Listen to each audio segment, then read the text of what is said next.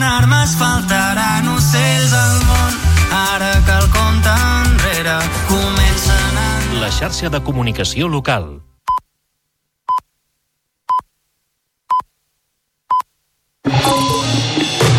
Notícies en xarxa, edició matí. Amb Taís Trujillo.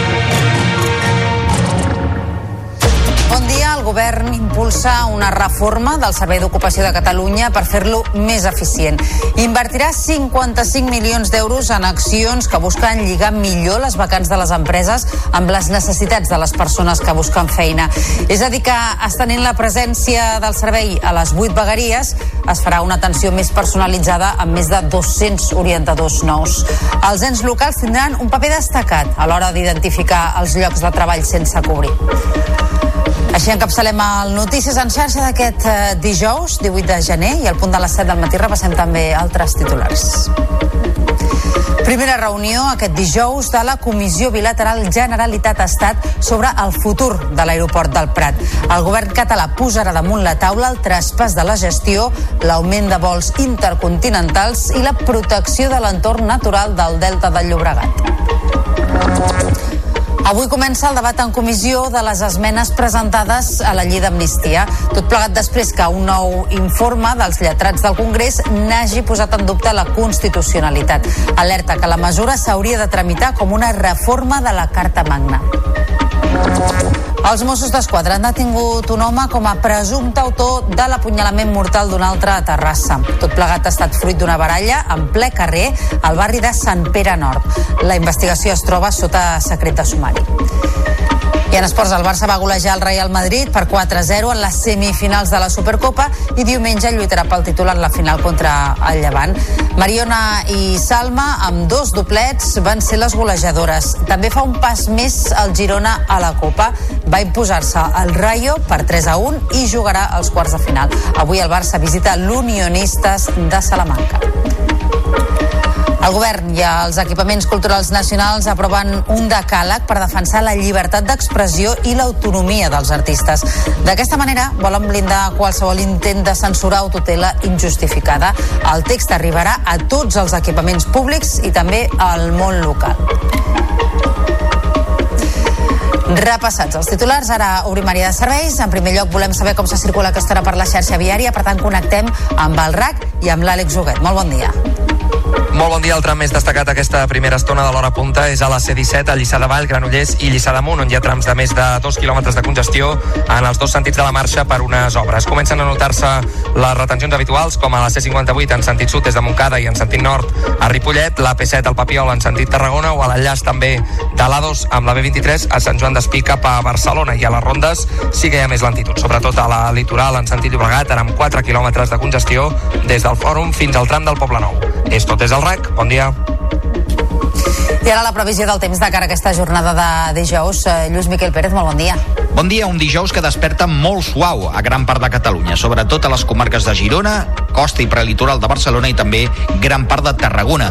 En canvi, un ambient més fred amb alguna boira i tot a les comarques de Lleida, especialment a la Vall del Segre, i núvols més gruixuts que tenim a l'Alt Pirineu, amb algunes pluges febles que estan caient al Pirineu lleidatà i cota de neu al voltant dels 2.000 metres. Vent de ponent insistent a les comarques de Girona i Barcelona i aquesta tarda a més comarques també de Tarragona, vent de ponent que farà pujar la temperatura i aquesta tarda molts núvols prims. Els més gruixuts els tindrem a l'Alt Pirineu. Us seguirem a la xarxa. Notícies en xarxa, edició matí. El govern inverteix 55 milions d'euros en transformar el Servei d'Ocupació de Catalunya. Estarà present a les 8 vegueries, les empreses hi tindran un espai per fer demandes i els que busquen feina una atenció personalitzada. El president aragonès i representants sindicals, patronals i del món local han presentat els canvis aquest dimecres a l'Espai Modernista de Sant Pau, a Barcelona. Ens ho explica la nostra companya Mont Carvajal. Cada vegueria tindrà un Consell Territorial d'Ocupació que estarà format per governs, sindicats, empresaris i ajuntaments. Determinaran la seva estratègia i lligarà les necessitats i les vacants de les empreses amb les de les persones que busquen feina, actualment 341.000. Es farà un seguiment personalitzat mitjançant 660 tutors, 230 es contractaran ara. El conseller d'Empresa i Treball, Roger Torrent, ha explicat que hi haurà també un expedient únic laboral.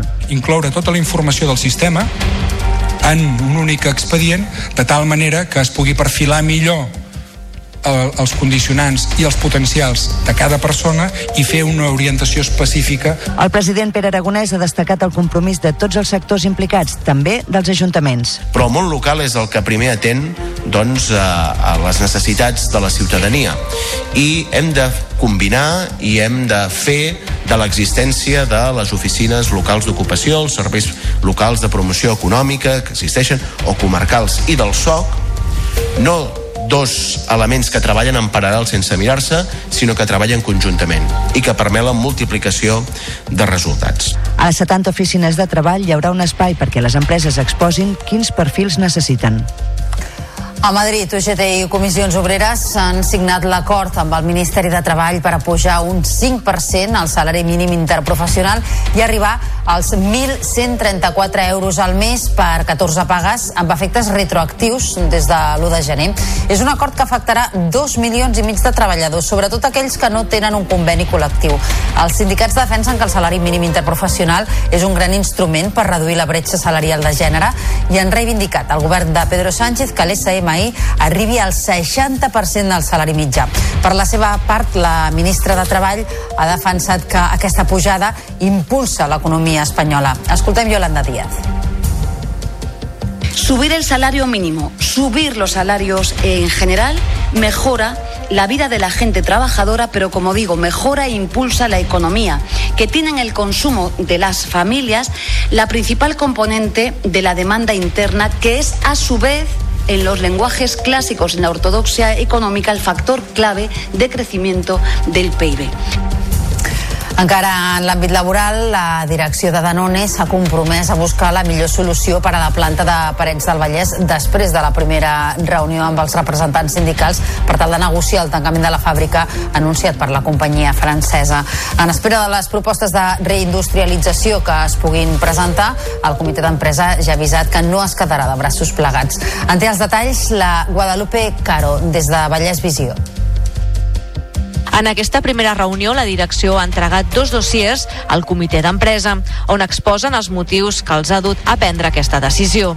Ara el comitè ha d'analitzar i estudiar tots aquests informes. Dels motius que hi ha en aquests dossiers, poc se n'ha parlat a la trobada, donat que el comitè acaba de rebre tota la informació.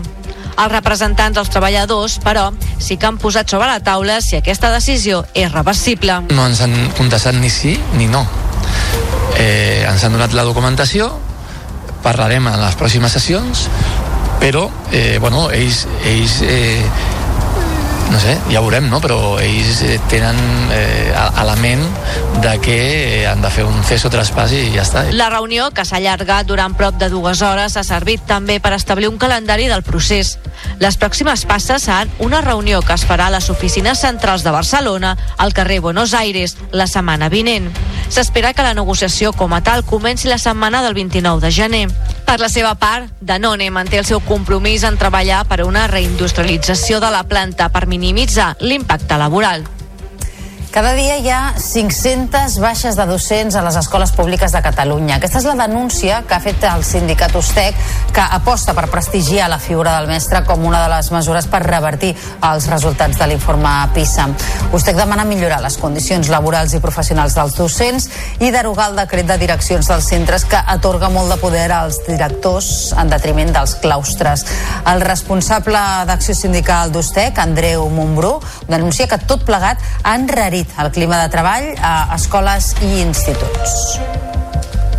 Cada dia, cada dia en el sistema educatiu català hi ha 500 cadires buides perquè no hi ha professionals per cobrir-les, tant de places estructurals com de substitucions.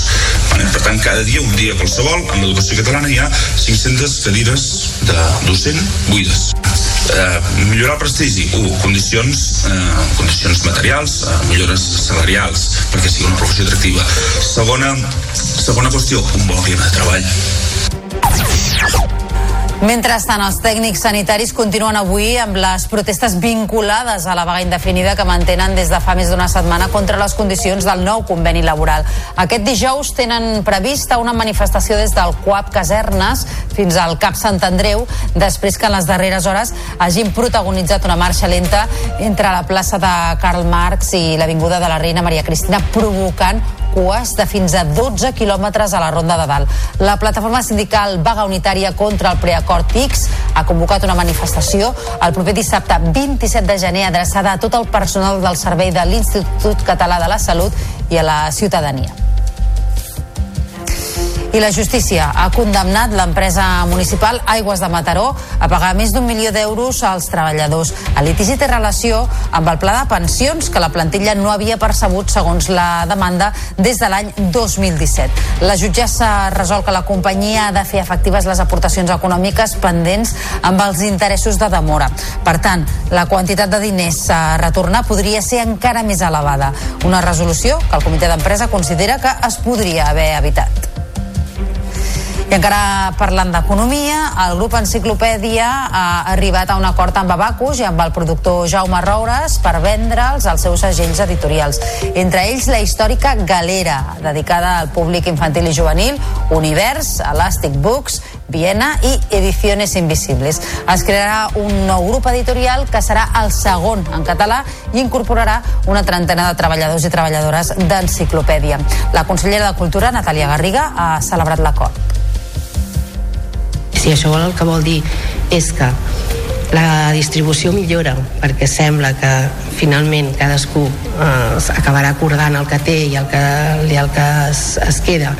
I alhora el grup Enciclopèdia ens surt reforçat i ens surt millor per nosaltres és una gran notícia, és evident. I que els segells que té Enciclopèdia aquests segells catalans que té Enciclopèdia puguin seguir en mans eh, d'aquí és per nosaltres una molt bona notícia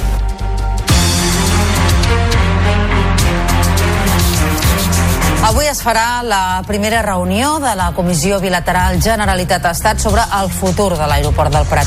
En aquesta trobada, el govern català hi plantejarà tres demandes. Que la Generalitat assumeixi la gestió de l'aeroport, ara en mans de l'Estat, l'increment dels vols intercontinentals i la preservació de l'entorn natural del Delta del Llobregat. Ens ho expliquen des del Prat TV. L'Ajuntament del Prat ha reclamat formar part de la comissió tècnica bilateral entre els governs català i espanyol sobre el futur de l'aeroport.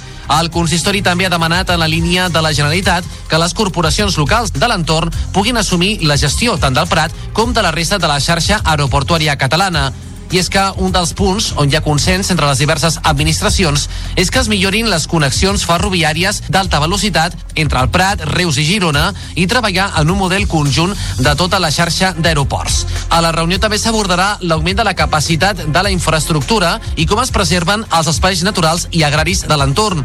Tot plegat mentre s'està a l'espera que s'aprovi l'ampliació de la zona especial de protecció d'aus, la ZEPA, pendent des de l'anterior creixement de la infraestructura i que va propiciar un toc d'alerta de la Comissió Europea per la desprotecció del Delta del Llobregat. El govern continua visitant el territori per presentar l'avantprojecte de llei del futur Estatut de Municipis Rurals. És una eina que pretén configurar un marc legal que empari els prop de 600 municipis de menys de 2.000 habitants que hi ha a Catalunya. L'objectiu és donar-los instruments per tal d'evitar el seu despoblament. Aquest dimecres, a Barbens, la consellera de la presidència, Laura Vilagrà, s'ha reunit amb els alcaldes de la vegueria de Lleida per recollir-ne el parer i estudiar-ne també possibles al·legacions. Ens ho amplia el Nil Ortiz, de Mollerussa TV. Una eina que pretén configurar un marc legal per generar oportunitats i evitar el despoblament als gairebé 600 municipis amb menys de 2.000 habitants que hi ha a Catalunya. El que es tracta és posar mesures sobre la taula des d'un punt de vista normatiu, des d'un punt de vista d'incentius fiscals i econòmics per aconseguir que la ciutadania es quedi eh, als municipis a viure amb un projecte vital que els engresqui. Per això els ajuntaments d'aquest país necessiten eines més robustes Aquestes trobades per exposar l'Estatut s'han iniciat un cop finalitzat el període d'al·legacions que en les darreres setmanes ha estat motiu de treball per part de les diferents entitats municipalistes. Així, el govern ha posat en marxa a Barbens un seguit de trobades per les diferents vegueries per recollir l'opinió de les alcaldies del territori. Ja hem fet un treball molt previ de consens amb el món municipalista molt intens, especialment micropobles, eines de repoblament, però també Associació Catalana de Municipis i Federació de Municipis. En tot cas, si ara encara ens fan consideracions, és un moment que encara les podem eh, assumir. L'executiu preveu poder donar llum verda a l'avantprojecte al mes de març per després iniciar la tramitació parlamentària que esperen poder aprovar abans de finalitzar la legislatura. I el govern vol declarar de nou l'emergència cinegètica per acabar amb la plaga de conills que suposa un mal de cap a les comarques de Lleida. També proposa augmentar el radi d'acció per incloure-hi més municipis. I així ho ha fet saber a pagesos i sindicats. El sector, però, no creu que amb aquesta única mesura s'acabi amb un problema endèmic que els ocasiona moltes pèrdues. És una crònica de Lleida TV. L'emergència cinegètica declarada ara fa un any, que ha acabat amb gairebé 430.000 conills, ha evitat un descontrol de la plaga, però no ha estat suficient per reduir els danys de manera significativa. En aquesta línia, el Departament d'Acció Climàtica proposa declarar de nou l'emergència cinegètica, aquest cop augmentant el radi de municipis i valorant la necessitat d'ampliar-la en el temps. Hem vist que hi havia municipis que no havien entrat dintre l'emergència i era necessari de, de poder-los incloure. En el moment més efectiu de fer totes aquestes captures és en la temporada de caça i és quan plantegem poder estendre l'emergència cinegètica. Els pagesos creuen que declarar l'emergència cinegètica per si sola és insuficient. Es calculava que matant 300.000 conills el, el problema s'acabaria. Se n'ha mort 430.000 i, el, i, el, i el, el conill continua igual. O sigui que hem pagat la novetada de, de, de fer l'emergència cinegètica, però no n'hi ha hagut prou. El departament recomana prolongar accions que ja es feien, com el xipatge gratuït de fures, i potenciar les batudes de nit incorporant visors nocturns.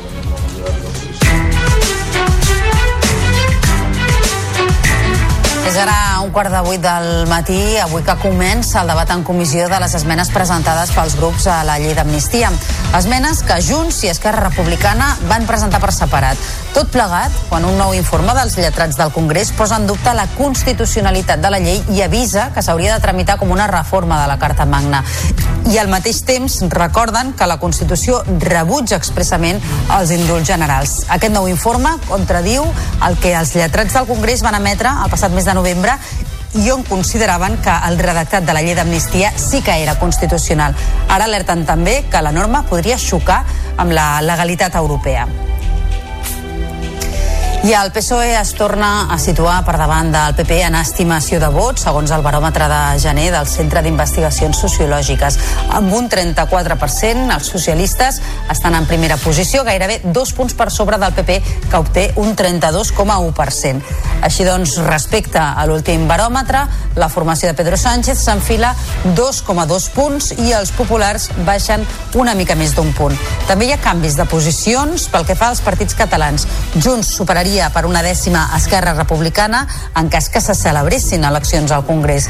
El baròmetre dona per primera vegada la dada en estimació de vot de Sumar. Al marge de Podem, el partit de Yolanda Díaz obtindria el 9,7%, mantenint la tercera posició per davant de Vox, que es queda amb el 8,3%, dues dècimes menys que el mes anterior.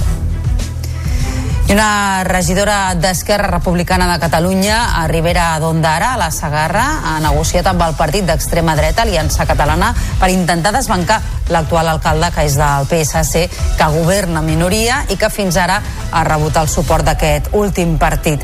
Esquerra ja ha anunciat que ha iniciat mesures per fer fora la seva portaveu i encara no està clar si la moció de censura tirarà o no endavant. Caldrà veure si es confirma en els pròxims dies. En té els detalls la Noelia Burgos, des de Lleida TV.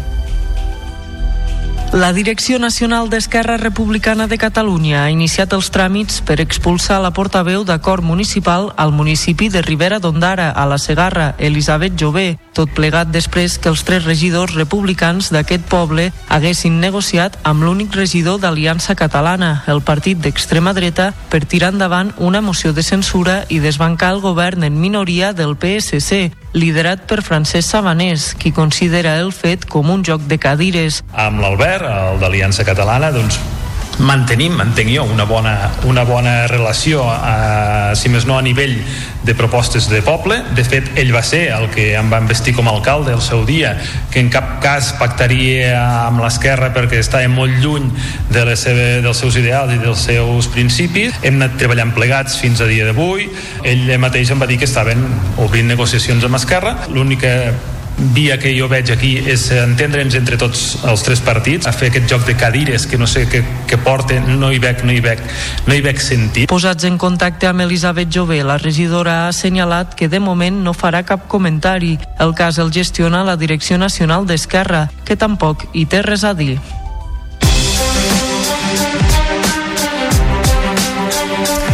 Els Mossos d'Esquadra van detenir ahir a la tarda un home de 24 anys com a presumpte autor de l'apunyalament mortal d'un altre individu unes hores abans durant una baralla en ple carrer a Terrassa. Cap a dos quarts d'una del migdia, el cos policial va rebre un avís segons el qual al carrer Bertrina hi havia un home ferit per arma blanca. En arribar a l'indret van trobar la víctima i efectius del sistema d'emergències mèdiques li van practicar maniobres de reanimació, però no van poder fer res per salvar-li la vida. I també en matèria de successos, els Mossos han detingut quatre persones per temptativa d'homicidi i tinença d'armes arran del tiroteig que ahir al matí va haver al barri de Sant Josep Obrer de Reus. A banda, hi ha una cinquena persona que no ha estat detinguda però que és investigada pels mateixos delictes. També es van fer tres entrades judicials en domicilis i es van intervenir diverses armes en el marc del mateix operatiu policial. La investigació continua oberta i no es descarten més detencions. I a Calonja, al Baix Empordà, els bombers treballen des d'aquesta matinada en l'incendi d'una nau industrial de l'empresa Impermeabilizaciones Impera, al carrer Celler del municipi. També s'ha actuat per defensar les altres 16 naus del complex que només haurien estat afectades pel fum. A hores d'ara el foc està controlat des de quarts de 7 del matí, no fa ni una hora, i s'està fent revisió per avaluar els danys. I la Marea Verda de Sant Adrià de Besòs denuncia la presència d'una pols negra a les cases de diversos veïns dels barris de Sant Joan Baptista, la Mina i la Catalana. Es desconeixen l'origen, però sospiten que podria venir de la incineradora de residus i la, les centrals tèrmiques pròximes a aquesta zona. Per la seva banda, els responsables de les plantes neguen que la pols tingui res a veure amb la seva activitat. Des de l'Ajuntament adrianenc asseguren que són conscients de la situació i que a hores d'ara ho estan investigant.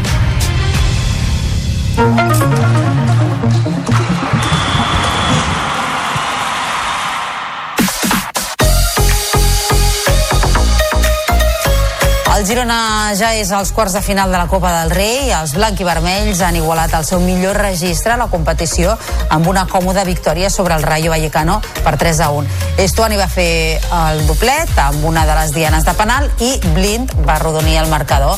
Abans del descans, Neca va fer el gol dels madrilenys. El tècnic gironí, Michel Sánchez, diu que també volen fer història a la Copa.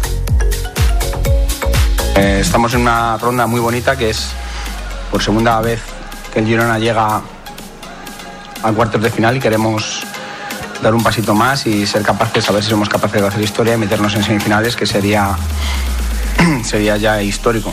Eh, bueno, hemos pasado cuatro rondas muy complicadas, muy difíciles y estamos en una situación muy bonita para, para seguir disfrutando de esta competición. I avui és el torn del Barça, que visita l'Unionistes de Salamanca, equip de la primera federació, a partir de dos quarts de vuit. Els blaugrana arriben amb vuit baixes, sense Araujo i la Yamal per sanció, ni els lesionats Cancelo, Araujo, Íñigo Martínez, Gavi, Ter Stegen i Marcos Alonso. I el Barça va superar el Real Madrid per 4-0 en les semifinals de la Supercopa Femenina i diumenge lluitarà pel títol contra el Llevant. Les Blaugrana van encaminar el partit aviat amb les dianes de Mariona i Salma en el primer quart d'hora de joc. Abans del descans, de nou Mariona va fer el tercer i Salma va rematar la golejada a l'inici del segon temps. La davantera mallorquina valorava l'actuació de l'equip. Cuando estamos a gusto, cuando jugamos bien, eh, yo creo que es cuando luego individualmente lucimos, cuando jugamos bien como equipo y creo que Hemos tenido minutos muy buenos, hemos creado muchas ocasiones, creo que hemos ganado merecidamente el partido y obviamente pues eh, contenta con ganarle al Madrid y con estar en la final. L'Espart Girona jugarà als quarts de final de l'Eurocup femenina de bàsquet després d'eliminar el Cadí la Seu. Les gironines, que ja s'havien imposat en el partit d'anada, van ser molt superiors a les de la Seu d'Urgell i es van endur una victòria amb 29 punts de marge per 68 a 39. Morgan Berg amb 13 punts i Mariana Tolo amb 12 van ser les millors de les de Roberto Iñiguez. L'únic coneixerà aquesta tarda el seu rival, Galatasaray o Gorzov, als quarts de final. I el Joventut va sumar un nou triomf a l'Eurocup gràcies a l'encert de Feliz en el darrer segon. Els verdinegres van guanyar a la pista del London Lions per 80-82 i sumen la setena victòria seguida. I a l'hoquei Lliga, el Barça no va tenir pietat i va golejar el Voltregà per 13-1 en el partit avançat per disputa dissabte de la tornada dels vuitens de final de la Europe Cup. Al descans, els blaugrana ja dominaven per 5 a 0. Rodríguez amb 4 gols i Bargalló amb 3 van liderar el triomf. Una victòria que dispara el Barça al capdavant de la classificació amb 43 punts. L'entrenador blaugrana, Edu Castro, valorava la bona feina dels seus jugadors. Hi ha dies en què tot surt bé i molt encert de cara a porteria, han entrat molts gols a la primera, més a la segona, inclús. La veritat és que ens hem trobat molt còmodes en tot el partit i l'equip ha corregut moltíssim i molt bé les contres i en tot moment amb un ritme de vol altíssim i crec que això els ha fet molt de mal i, i ells doncs, han passat un, un partit que suposo que se'ls ha fet llarg. El segon classificat, el Noia, no va passar de l'empat a 5 davant el Finques Prats Lleida. Un gol de Nico Ojeda, quan faltaven 4 segons per al final, va igualar el marcador per als locals i va fer embogir l'11 de setembre. És el segon empat consecutiu dels de Sant Sadurní, que amplia un punt més la diferència amb el tercer, l'Alcoi, després que els alacantins cedissin a Girona per 2 a 0.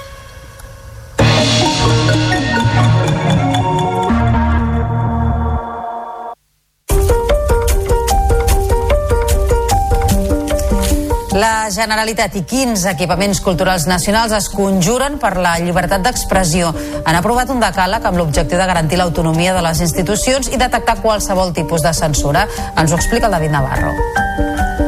Les amenaces contra la cultura i la llengua després dels canvis polítics al País Valencià i les Illes Balears han motivat que el Departament de Cultura i institucions com el Teatre Nacional, el Liceu, el Lliure, l'Auditori o el Manac acordin 10 punts per garantir el respecte a la llibertat d'expressió ara i en el futur. Destaquen mesures com la transparència en el finançament, protocols per evitar ingerències polítiques o la creació de mecanismes per detectar tant la censura com l'autocensura. L'objectiu final, segons ha explicat la consellera de Cultura, Natàlia Garriga, és blindar la llibertat de creació. Nosaltres estem convençuts que estem, estem vivint en una democràcia on els, aquests valors i aquests principis estan preservats i sembla que en alguns espais no ho estan i volem que aquí no passi, que governi qui governi, aquests valors i principis estiguin preservats. Una comissió de seguiment i una futura jornada sobre la llibertat d'expressió serviran per enfortir el pacte.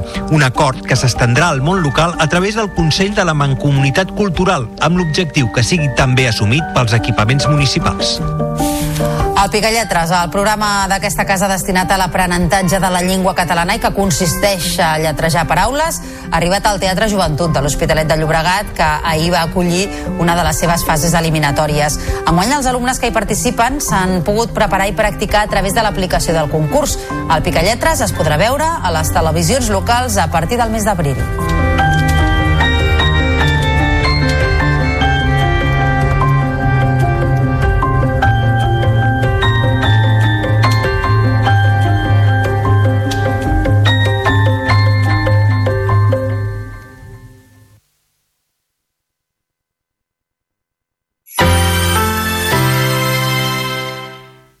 La xarxa de comunicació local.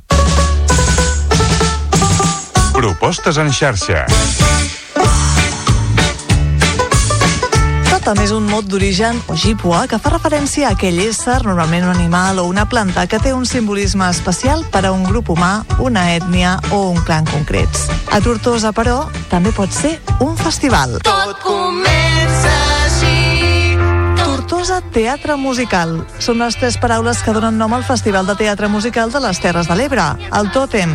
La cita arriba a la segona edició amb 5 dies de propostes pensades per a tots els públics. Entre el 31 de gener i el 4 de febrer descobrireu històries a través de la paraula, la dansa i la cançó. Teniu, per exemple, tres oportunitats per deixar-vos seduir per un clàssic, El petit príncep, i viatjar tant pel desert com per les estrelles. També podeu demanar tres desitjos, la història d'una jove parella de Barcelona que queda trasbalsada per un diagnòstic. Les veus polivalents del cor de cambra Tirit Chae us faran viatjar pels musicals de tota la vida. Somriures i llàgrimes, El fantasma de l'òpera o West Side Story. I si sou més a The Full Monty, també hi podeu veure la història d'aquests cinc treballadors siderúrgics que estan a l'atur. A més a més, l'organització ha preparat Club de Gala 2.0, un recorregut pels èxits musicals més escoltats de tots els temps. Del 31 de gener al 4 de febrer, Tortosa acull la segona edició del Tòtem, el Festival de Teatre Musical de les Terres de l'Ebre. En trobareu tota la informació a www.lacompanyia.cat barra Tòtem.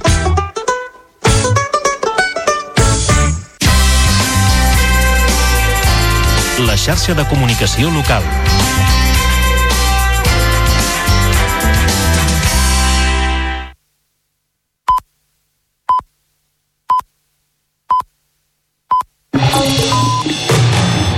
Notícies en xarxa, edició matí. Amb Taís Trujillo.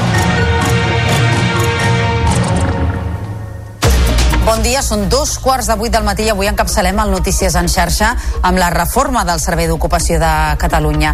El govern vol fer-lo més eficient i és per això que invertirà 55 milions d'euros en accions que busquen lligar millor les vacants de les empreses amb les necessitats de les persones que busquen feina. És a dir, que estenent la presència del servei a les vuit vegueries es farà una atenció més personalitzada amb més de 200 orientadors nous. Els ens locals tindran un paper destacat a l'hora d'identificar els llocs de treball sense cobrir.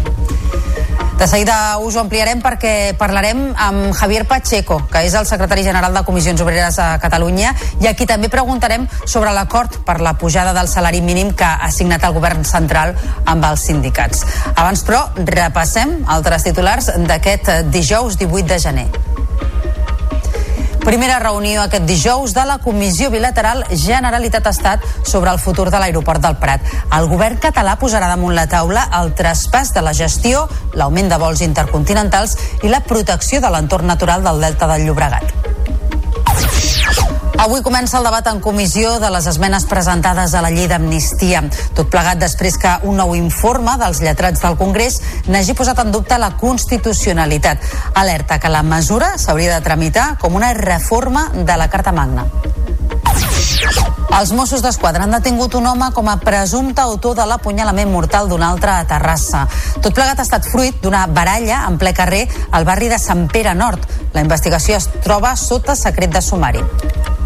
I en esports, el Barça va golejar el Real Madrid per 4-0 en les semifinals de la Supercopa i diumenge lluitarà pel títol a la final contra el Llevant.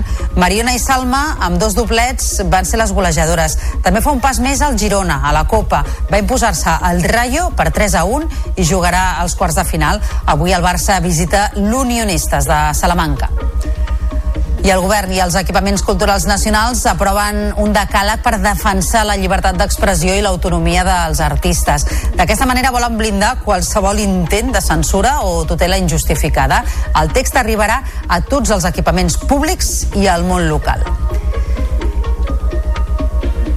I repassats els titulars, obrim plana de serveis, primer amb el trànsit, segons el RAC hi ha lentitud a la C-17 per obres entre Lliçà de Vall, Granollers i Lliçà d'Amunt en sentit sud durant 4 quilòmetres i cap al nord són 3 quilòmetres més i comença a afectar l'enllaç amb l'AP7 a Parets del Vallès. També hi ha cues a l'A2 des de Sant Vicenç dels Horts i Pallejà en sentit est, com sempre a Molins de Rei a la B23 i a la C58 de Ripollet cap a Sabadell. Les rondes de Barcelona van molt plenes en sentit Llobregat. I pel que fa al temps, les temperatures continuen sent suaus i al migdia serà de primavera. Bufarà el vent i s'emportarà els núvols que puguin aparèixer a la tarda arreu de Catalunya. A hores d'ara plou al Pirineu. Notícies en xarxa, edició matí. El govern inverteix 55 milions d'euros en transformar el Servei d'Ocupació de Catalunya. Estarà present a les vuit vegueries les empreses hi tindran un espai per fer demandes i els que busquen feina una atenció personalitzada. El president aragonès i representants sindicals, patronals i del món local han presentat els canvis aquest dimecres a l'espai modernista de Sant Pau a Barcelona. Ens ho explica la nostra companya Mont Carvajal. Cada vegueria tindrà un Consell Territorial d'Ocupació que estarà format per governs, sindicats, empresaris i ajuntaments. Determinaran la seva estratègia i lligarà les necessitats i les vacants de les empreses amb les de les persones que busquen feina, actualment 341.000. Es farà un seguiment personalitzat mitjançant 660 tutors, 230 es contractaran ara. El conseller d'Empresa i Treball, Roger Torrent, ha explicat que hi haurà també un expedient únic laboral. Incloure tota la informació del sistema en un únic expedient de tal manera que es pugui perfilar millor el, els condicionants i els potencials de cada persona i fer una orientació específica. El president Pere Aragonès ha destacat el compromís de tots els sectors implicats, també dels ajuntaments. Però el món local és el que primer atén doncs, a, a les necessitats de la ciutadania i hem de combinar i hem de fer de l'existència de les oficines locals d'ocupació, els serveis locals de promoció econòmica que existeixen, o comarcals, i del SOC, no dos elements que treballen en paral·lel sense mirar-se, sinó que treballen conjuntament i que permet la multiplicació de resultats. A les 70 oficines de treball hi haurà un espai perquè les empreses exposin quins perfils necessiten. A Madrid, UGT i Comissions Obreres han signat l'acord amb el Ministeri de Treball per apujar un 5% al salari mínim interprofessional i arribar als 1.134 euros al mes per 14 pagues amb efectes retroactius des de l'1 de gener. És un acord que afectarà 2 milions i mig de treballadors, sobretot aquells que no tenen un conveni col·lectiu. Els sindicats defensen que el salari mínim interprofessional és un gran instrument per reduir la bretxa salarial de gènere i han reivindicat al govern de Pedro Sánchez que l'SMI arribi al 60% del salari mitjà. Per la seva part, la ministra de Treball ha defensat que aquesta pujada impulsa l'economia espanyola. Escoltem Yolanda Díaz.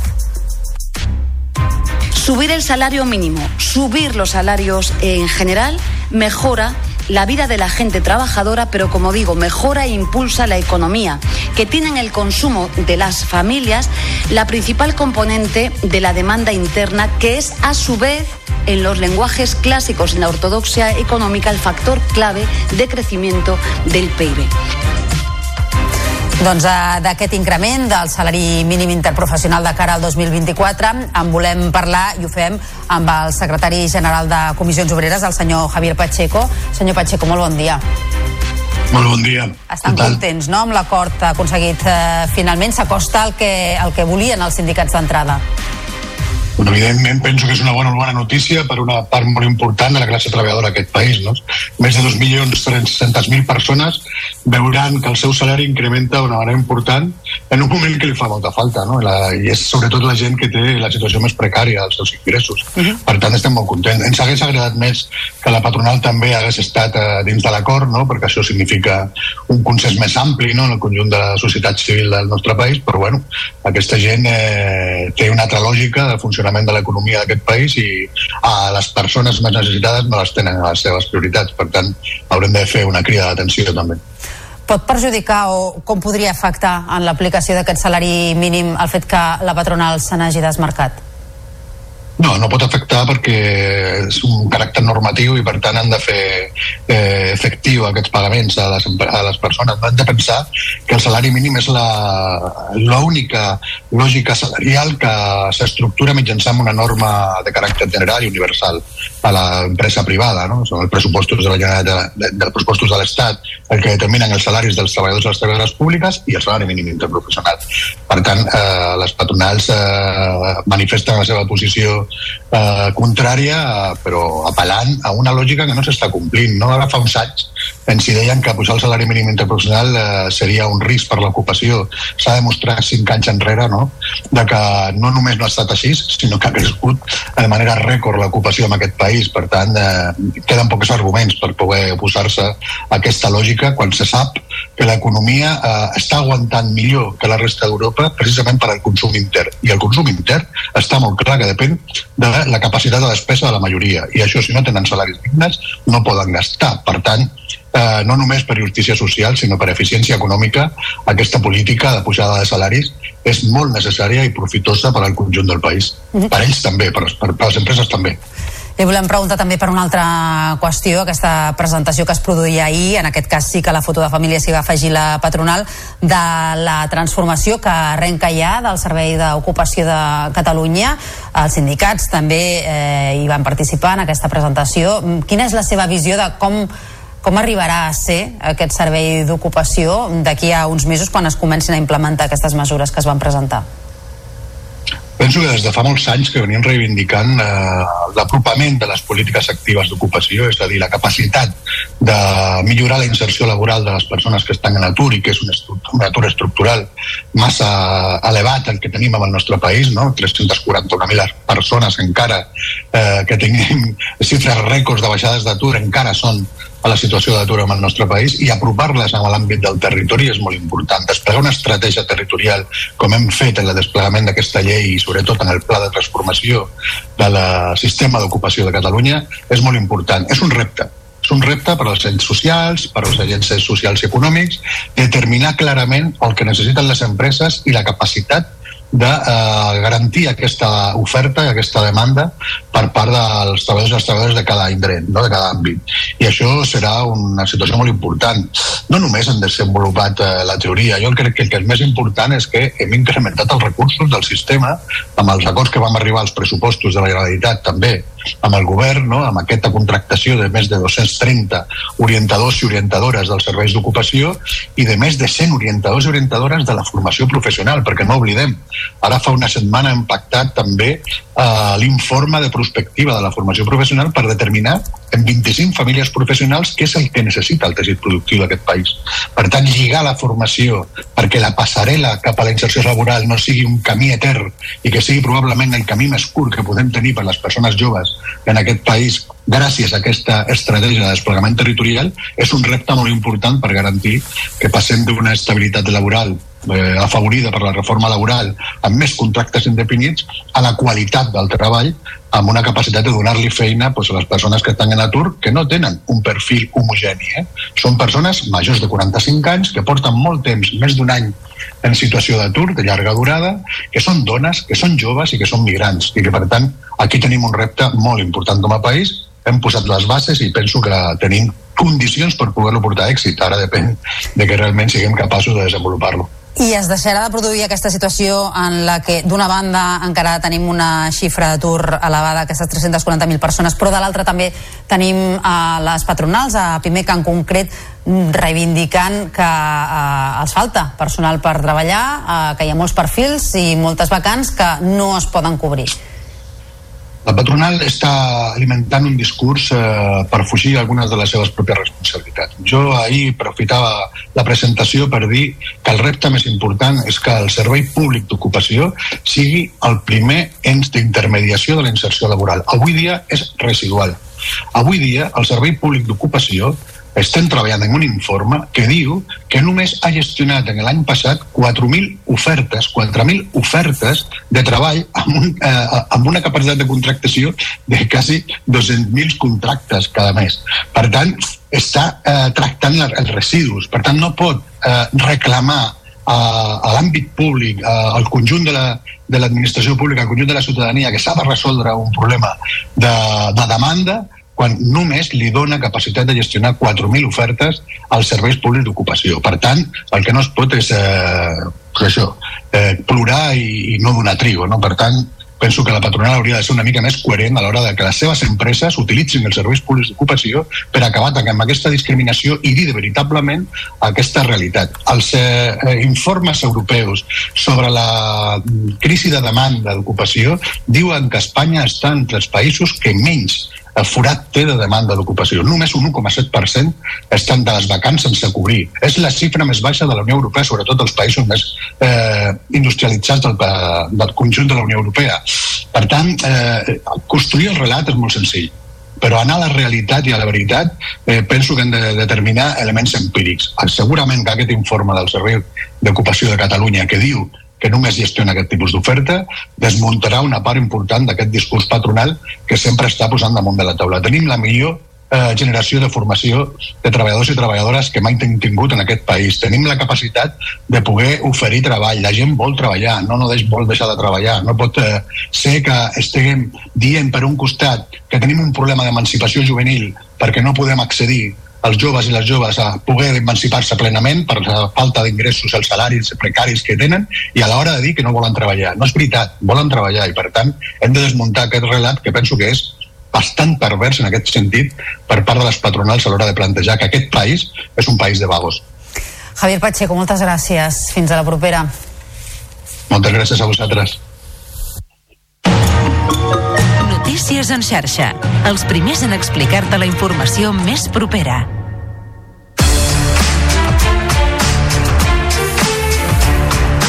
Avui es farà la primera reunió de la Comissió Bilateral Generalitat-Estat sobre el futur de l'aeroport del Prat. En aquesta trobada, el govern català hi plantejarà tres demandes. Que la Generalitat assumeixi la gestió de l'aeroport, ara en mans de l'Estat, l'increment dels vols intercontinentals i la preservació de l'entorn natural del Delta del Llobregat.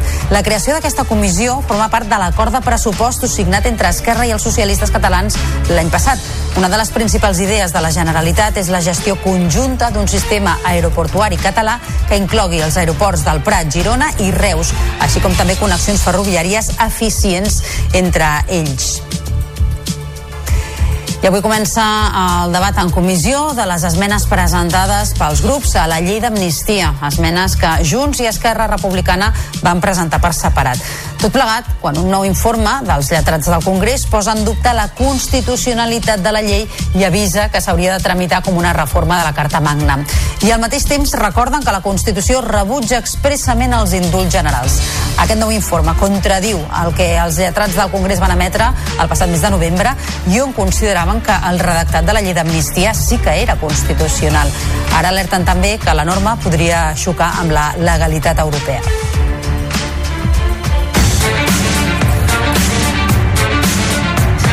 Tres quarts de vuit de matí, els Mossos d'Esquadra van detenir ahir per la tarda un home de 24 anys com a presumpte autor de l'apunyalament mortal d'un altre individu unes hores abans, eh, durant una baralla en ple carrer a Terrassa. Cap a dos quarts d'una del migdia, el cos policial va rebre un avís segons el qual al carrer Bertrina hi havia un home ferit per arma blanca.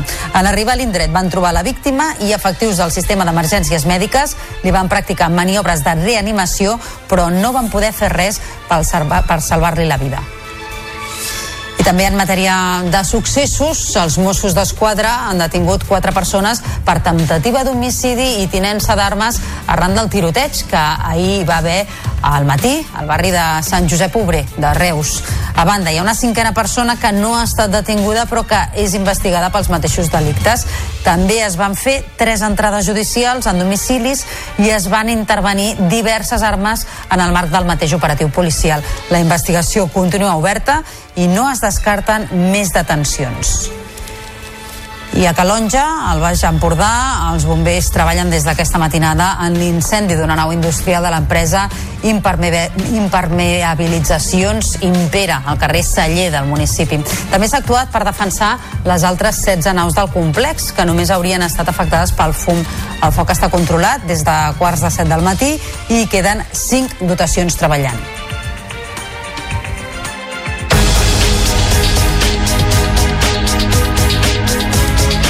La unitat de Covid persistent de l'Hospital Germans Trias i Pujol ha atès més de 2.000 persones des de que es va posar en marxa el 2020.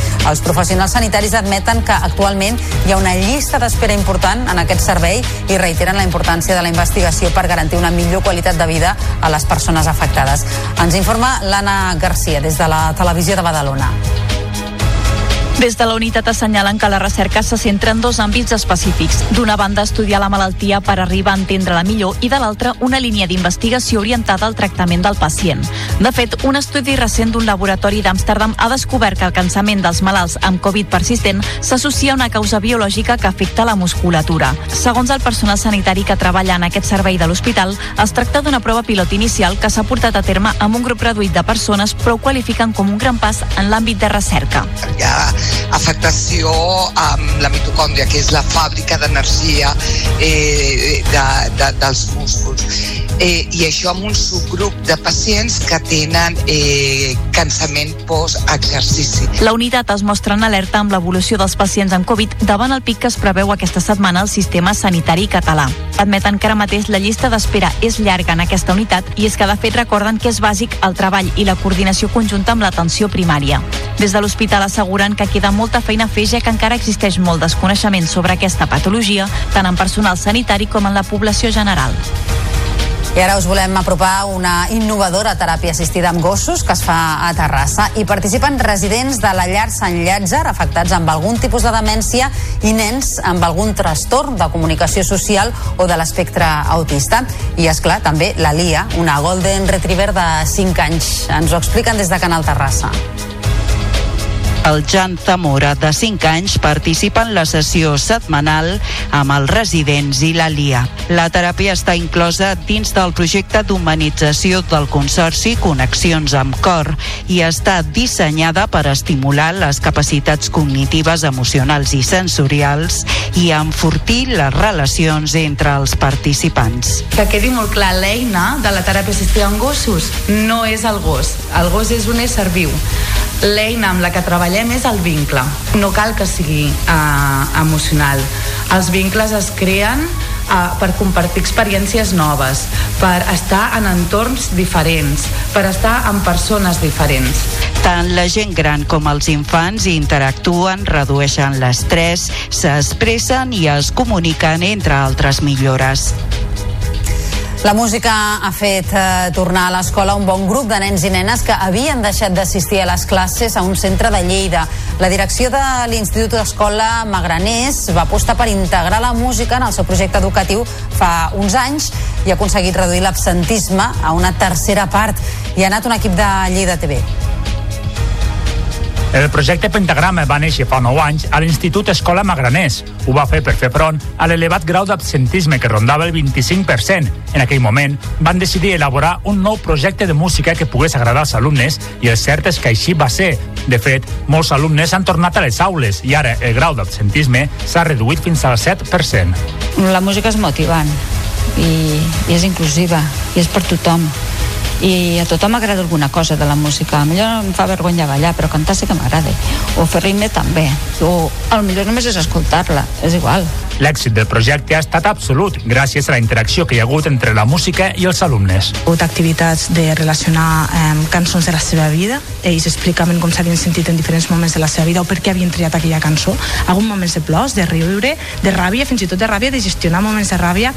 Eh, han co conegut no? autors i escultors, pintors, bueno, artistes en general i li han posat música a les seves obres. L'institut acull uns 250 alumnes d'infantil, primària i ESO. El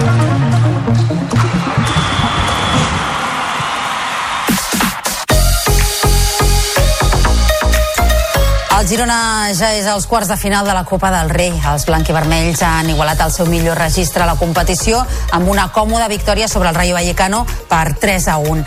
Estuani va fer un doblet amb una de les dianes de penal i Blind va arrodonir el marcador. Abans del descans, Teca va fer el gol dels madrilenys. El tècnic gironí, Michel Sánchez, diu que també volen fer història a la Copa. Eh, estamos en una ronda muy bonita que es por segunda vez el Girona llega a cuartos de final y queremos dar un pasito más y ser capaces, a ver si somos capaces de hacer historia y meternos en semifinales, que sería, sería ya histórico. Eh, bueno, hemos pasado cuatro rondas muy complicadas, muy difíciles y estamos en una situación muy bonita para, para seguir disfrutando de esta competición.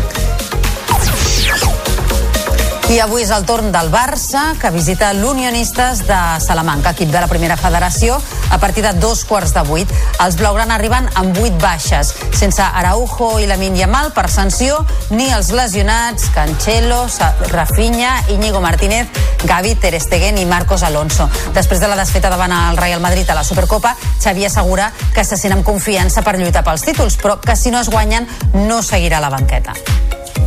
Si no es guanya, doncs doncs com tots els entrenadors, si no es co cobreixen els objectius, jo seré el primer que diré, doncs pues mira, fins aquí hem arribat, però estem a meitat de temporada i tot en joc. Aquesta és la meva realitat. Crec que estem molt més a prop de l'èxit que, de la, que, que de la derrota. De fet, hem tingut èxit a la, a la meitat de la primera temporada, a la temporada passada i aquesta estem camí de l'èxit, tot i perdre la Supercopa. El Barça va superar el Real Madrid per 4-0 en les semifinals de la Supercopa femenina i diumenge lluitarà pel títol contra el Llevant. Les Blaugrana van encaminar el partit aviat amb les dianes de Mariona i Salma en el primer quart d'hora de joc. Abans del descans, de nou Mariona va fer el tercer i Salma va rematar la golejada a l'inici del segon temps. La davantera mallorquina valorava l'actuació de l'equip.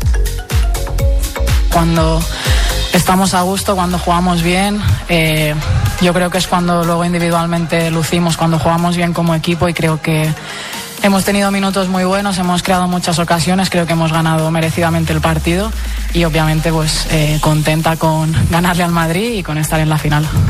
L'Espar Girona jugarà als quarts de final de l'Eurocup femenina de bàsquet després d'eliminar el Cadí la Seu.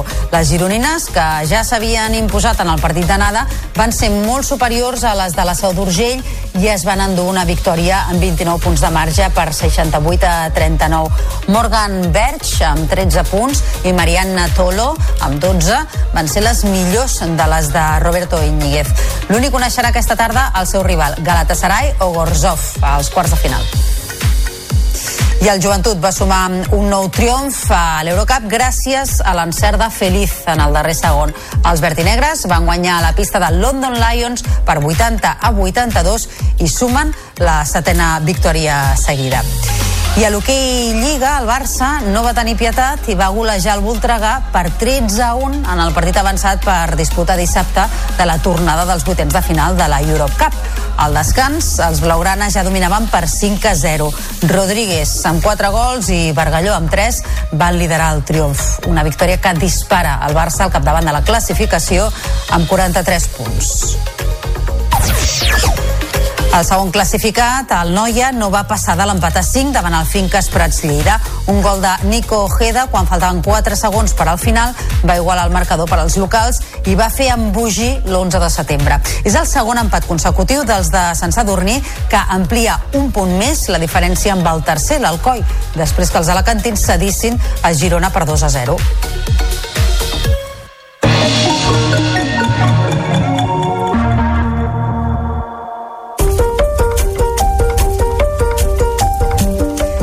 Generalitat i 15 equipaments culturals nacionals es conjuren per la llibertat d'expressió. Han aprovat un decàleg amb l'objectiu de garantir l'autonomia de les institucions i detectar qualsevol tipus de censura. Ens ho explica el David Navarro. Les amenaces contra la cultura i la llengua després dels canvis polítics al País Valencià i les Illes Balears han motivat que el Departament de Cultura i institucions com el Teatre Nacional, el Liceu, el Lliure, l'Auditori o el Manac acordin 10 punts per garantir el respecte a la llibertat d'expressió ara i en el futur. Destaquen mesures com la transparència en el finançament, protocols per evitar ingerències polítiques o la creació de mecanismes per detectar tant la censura com l'autocensura. L'objectiu final, segons ha explicat la consellera de Cultura, Natàlia Garriga, és blindar la llibertat de creació. Nosaltres estem convençuts que estem, estem vivint en una democràcia on els, aquests valors i aquests principis estan preservats i sembla que en alguns espais no ho estan i volem que aquí no passi, que governi qui governi, aquests valors i principis estiguin preservats. Una comissió de seguiment i una futura jornada sobre la llibertat d'expressió serviran per enfortir el pacte. Un acord que s'estendrà al món local a través del Consell de la Mancomunitat Cultural, amb l'objectiu que sigui també assumit pels equipaments municipals. Qui pugi fins al castell de Sant Miquel de Vallromanes aquests dies es quedarà sorprès amb el que s'hi trobarà. La capella de Sant Miquel, clarament identificable i en molt bon estat, ha quedat al descobert fruit de la nova excavació que s'està realitzant per recuperar tot el patrimoni. A més, als peus de la torre de l'homenatge també s'ha trobat una plataforma intermitja. Són unes estructures que se sabia que hi eren, però que fins ara estaven sota terra. L'excavació va començar a finals de desembre i està previst que duri 5 setmanes.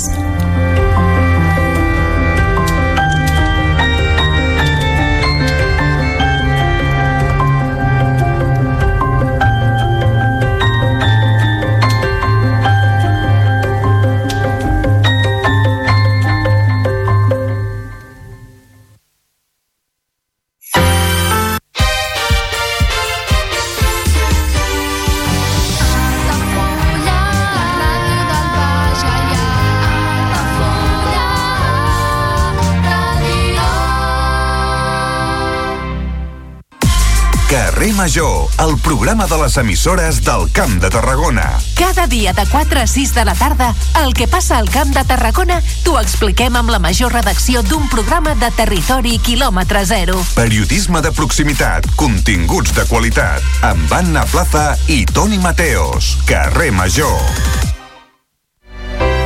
Comunions 2024. Dates ja disponibles amb sales privades, jardí, pàrquing privat i la millor gastronomia. Més informació i reserves al 977 65 11 55 i a comercial arroba altafullamarotel.com o al web altafullamarotel.com. Les teves celebracions familiars a l'Altafulla Mar Hotel.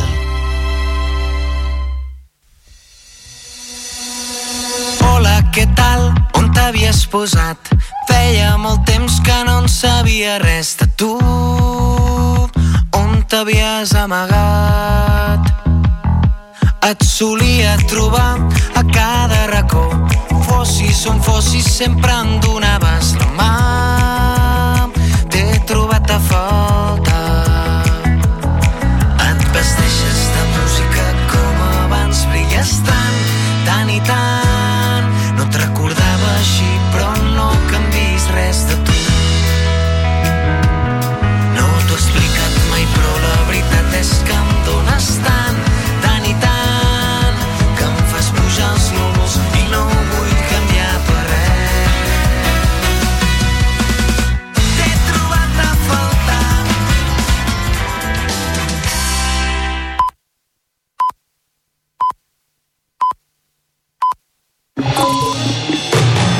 Notícies en xarxa, edició matí. Amb Taís Trujillo. Bon dia. El govern impulsa una reforma del Servei d'Ocupació de Catalunya per fer-lo més eficient. Invertirà 55 milions d'euros en accions que busquen lligar millor les vacants de les empreses amb les necessitats de les persones que busquen feina. És a dir, que estenent la presència del servei a les 8 vegueries es farà una atenció més personalitzada amb més de 200 orientadors nous. Els ens locals tindran un paper destacat a l'hora d'identificar els llocs de treball sense cobrir. Doncs així encapçalem el Notícies en xarxa d'aquest dijous, dia 18 de gener, i al punt de les 8 del matí repassem també altres titulars. Primera reunió aquest dijous de la Comissió Bilateral Generalitat-Estat sobre el futur de l'aeroport del Prat.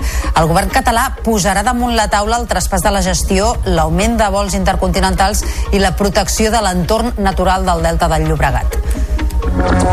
Avui comença el debat en comissió de les esmenes presentades a la llei d'amnistia, tot plegat després que un nou informe dels lletrats del Congrés n'hagi posat en dubte la constitucionalitat. Alerta que la mesura s'hauria de tramitar com una reforma de la Carta Magna. Els Mossos d'Esquadra han detingut un home com a presumpte autor de l'apunyalament mortal d'un altre a Terrassa. Tot plegat ha estat fruit d'una baralla en ple carrer al barri de Sant Pere Nord. La investigació es troba sota secret de sumari. En esports, el Girona fa un pas més a la Copa i jugarà els quarts de final després d'imposar-se al Rayo per 3 a 1. I de la seva banda, el Barça va golejar el Real Madrid per 4 a 0 en les semifinals de la Supercopa femenina i diumenge lluitarà pel títol en la final contra el Llevant. Mariona i Salma, amb dos doblets, van ser les golejadores. I en cultura, el govern i els equipaments eh, nacionals aproven un decàleg per defensar la llibertat d'expressió i l'autonomia dels artistes. D'aquesta manera volen blindar qualsevol intent de censura o de tutela injustificada.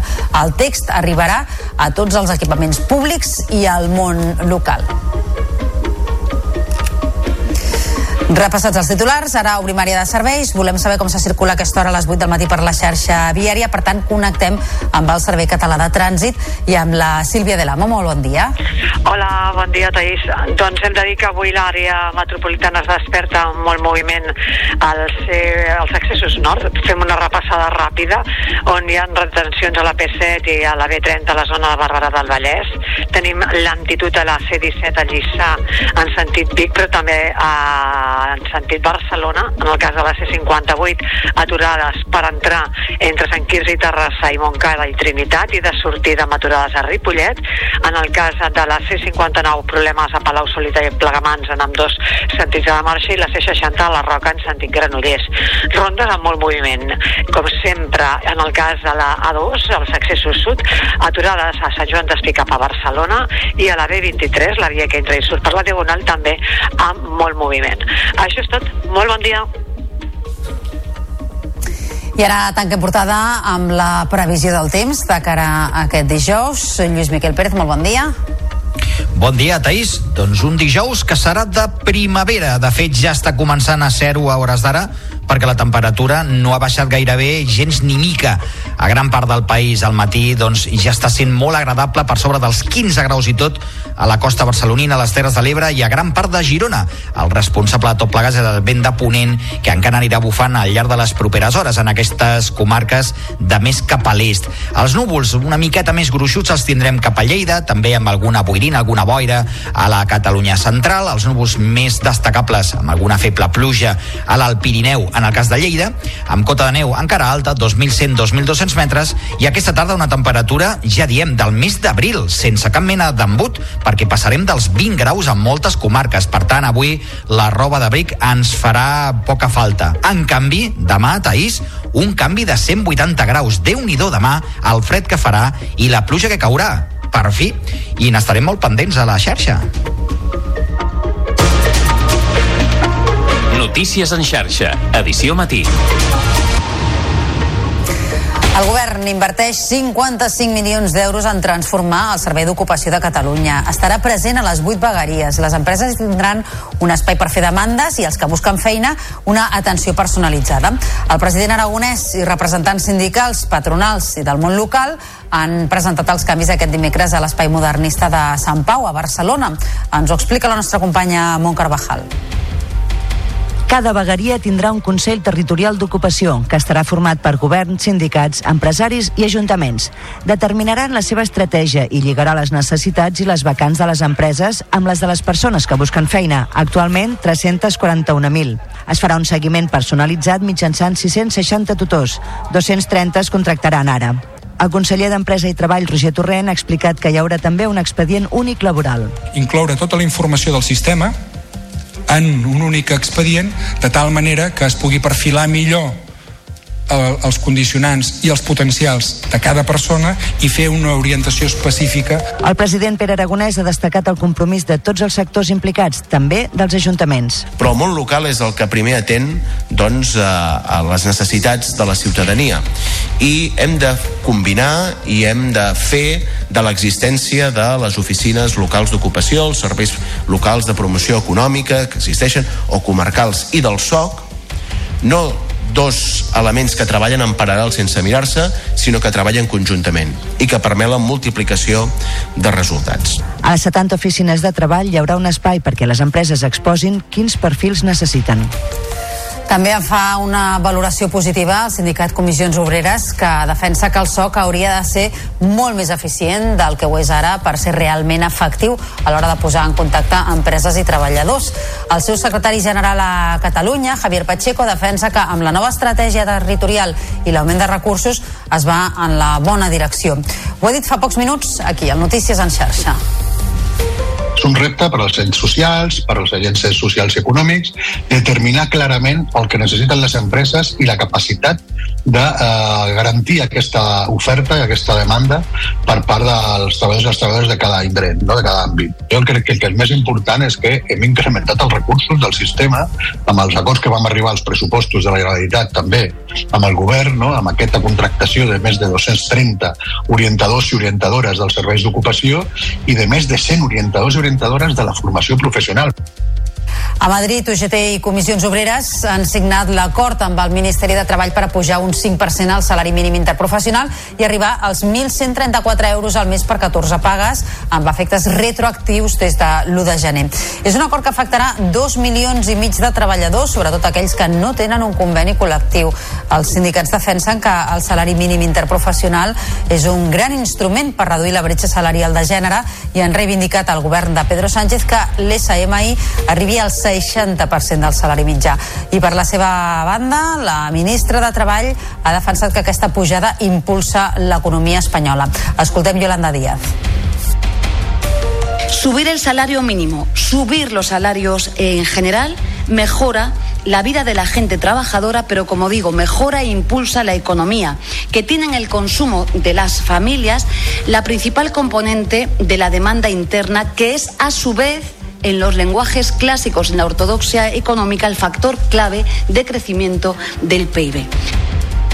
Encara en l'àmbit laboral, la direcció de Danone s'ha compromès a buscar la millor solució per a la planta de Parets del Vallès després de la primera reunió amb els representants sindicals per negociar el tancament de la fàbrica anunciat per la companyia. Segons fons de la direcció, l'empresa vol posar damunt la taula propostes i mesures orientades a promoure la reindustrialització de la planta amb l'objectiu de facilitar la continuïtat industrial a la zona i minimitzar l'impacte laboral. Des del comitè d'empresa, però, no es resignen a que aquesta situació sigui ja irreversible i avisen que presentaran batalla perquè Danone es quedi a Parets. Jordi Barragan n'és el president del comitè d'empresa. No han sentit ni sí ni no, però el que traiem en, en conclusió és que es tanca la fàbrica de parets. Lluitarem al màxim, eh, estem totalment en desacord de, del que han dit, eh, ja, tots els treballadors estan patint i estan plorant o sigui, eh, cada dia, que estem donant el màxim en aquests dies tan complicats. Va ser la primera fàbrica a Espanya, va néixer el iogurt aquí, a, a aquesta fàbrica, ja com a, com a producció, i que això ho posarem sobre la taula. Cada dia hi ha 500 baixes no cobertes de docents a les escoles públiques de Catalunya. És la denúncia que ha fet avui el sindicat USTEC, que aposta per prestigiar la figura del mestre com a una de les mesures per revertir els resultats de l'informe PISA. USTEC demana millorar les condicions laborals i professionals dels docents i derogar el decret de direccions dels centres que atorga molt de poder als directors en detriment dels claustres. El responsable d'acció sindical d'USTEC, Andreu Montbrú, denuncia que tot plegat ha enrarit el clima de treball a les escoles i als instituts. Cada dia, cada dia en el sistema educatiu català hi ha 500 cadires buides perquè no hi ha professionals per cobrir-les, tant de places estructurals com de substitucions. Per tant, cada dia, un dia qualsevol, en l'educació catalana hi ha 500 cadires de docent buides. Eh, millorar el prestigi, un, condicions, eh, condicions materials, eh, millores salarials, perquè sigui una professió atractiva. Segona, segona qüestió, un bon clima de treball. Mentrestant, els tècnics sanitaris continuen avui amb les protestes vinculades a la vaga indefinida que mantenen des de fa més d'una setmana contra les condicions del nou conveni laboral. Aquest dijous tenen prevista una manifestació des del CUAP Casernes fins al Cap Sant Andreu, després que en les darreres hores hagin protagonitzat una marxa lenta entre la plaça de Karl Marx i l'Avinguda de la Reina Maria Cristina, provocant cues de fins a 12 quilòmetres a la Ronda de Dalt. I encara parlant d'economia, el grup Enciclopèdia ha arribat a un acord amb Abacus i amb el productor Jaume Roures per vendre'ls els seus segells editorials. Entre ells, la històrica Galera, dedicada al públic infantil i juvenil, Univers, Elastic Books, Viena i Ediciones Invisibles. Es crearà un nou grup editorial que serà el segon en català i incorporarà una trentena de treballadors i treballadores d'Enciclopèdia. La consellera de Cultura, Natàlia Garriga, ha celebrat l'acord. Si això el que vol dir és que la distribució millora perquè sembla que finalment cadascú eh, acabarà acordant el que té i el que, i el que es, es queda. I alhora el grup Enciclopèdia ens surt reforçat i ens surt millor per nosaltres és una gran notícia, és evident. I que els segells que té Enciclopèdia aquests segells catalans que té Enciclopèdia puguin seguir en mans eh, d'aquí és per nosaltres una molt bona notícia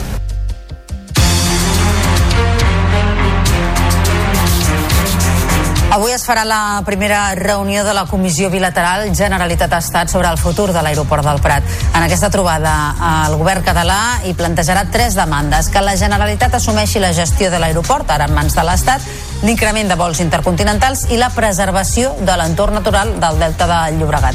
Ens ho expliquen des del Prat TV. L'Ajuntament de Prat ha reclamat formar part de la comissió tècnica bilateral entre els governs català i espanyol sobre el futur de l'aeroport. El consistori també ha demanat en la línia de la Generalitat que les corporacions locals de l'entorn puguin assumir la gestió tant del Prat com de la resta de la xarxa aeroportuària catalana i és que un dels punts on hi ha consens entre les diverses administracions és que es millorin les connexions ferroviàries d'alta velocitat entre el Prat, Reus i Girona i treballar en un model conjunt de tota la xarxa d'aeroports. A la reunió també s'abordarà l'augment de la capacitat de la infraestructura i com es preserven els espais naturals i agraris de l'entorn. Tot plegat mentre s'està a l'espera que s'aprovi l'ampliació de la zona especial de protecció d'aus, la ZEPA, pendent des de l'anterior creixement de la infraestructura i que va propiciar un toc d'alerta de la Comissió Europea per la desprotecció del Delta del Llobregat. El govern continua visitant el territori per presentar l'avantprojecte de llei del futur Estatut de Municipis Rurals. És una eina que pretén configurar un marc legal que empari els prop de 600 municipis de menys de 2.000 habitants que hi ha a Catalunya.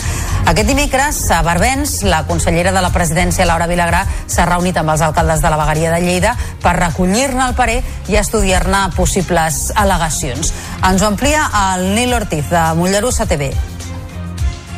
Una eina que pretén configurar un marc legal per generar oportunitats i evitar el despoblament als gairebé 600 municipis amb menys de 2.000 habitants que hi ha a Catalunya. El que es tracta és posar mesures sobre la taula des d'un punt de vista normatiu, des d'un punt de vista d'incentius fiscals i econòmics per aconseguir que la ciutadania es quedi eh, als municipis a viure amb un projecte vital que els engresqui. Per això els ajuntaments d'aquest país necessiten eines més robustes Aquestes trobades per exposar l'Estatut s'han iniciat un cop finalitzat el període d'al·legacions que en les darreres setmanes ha estat motiu de treball per part de les diferents entitats municipalistes.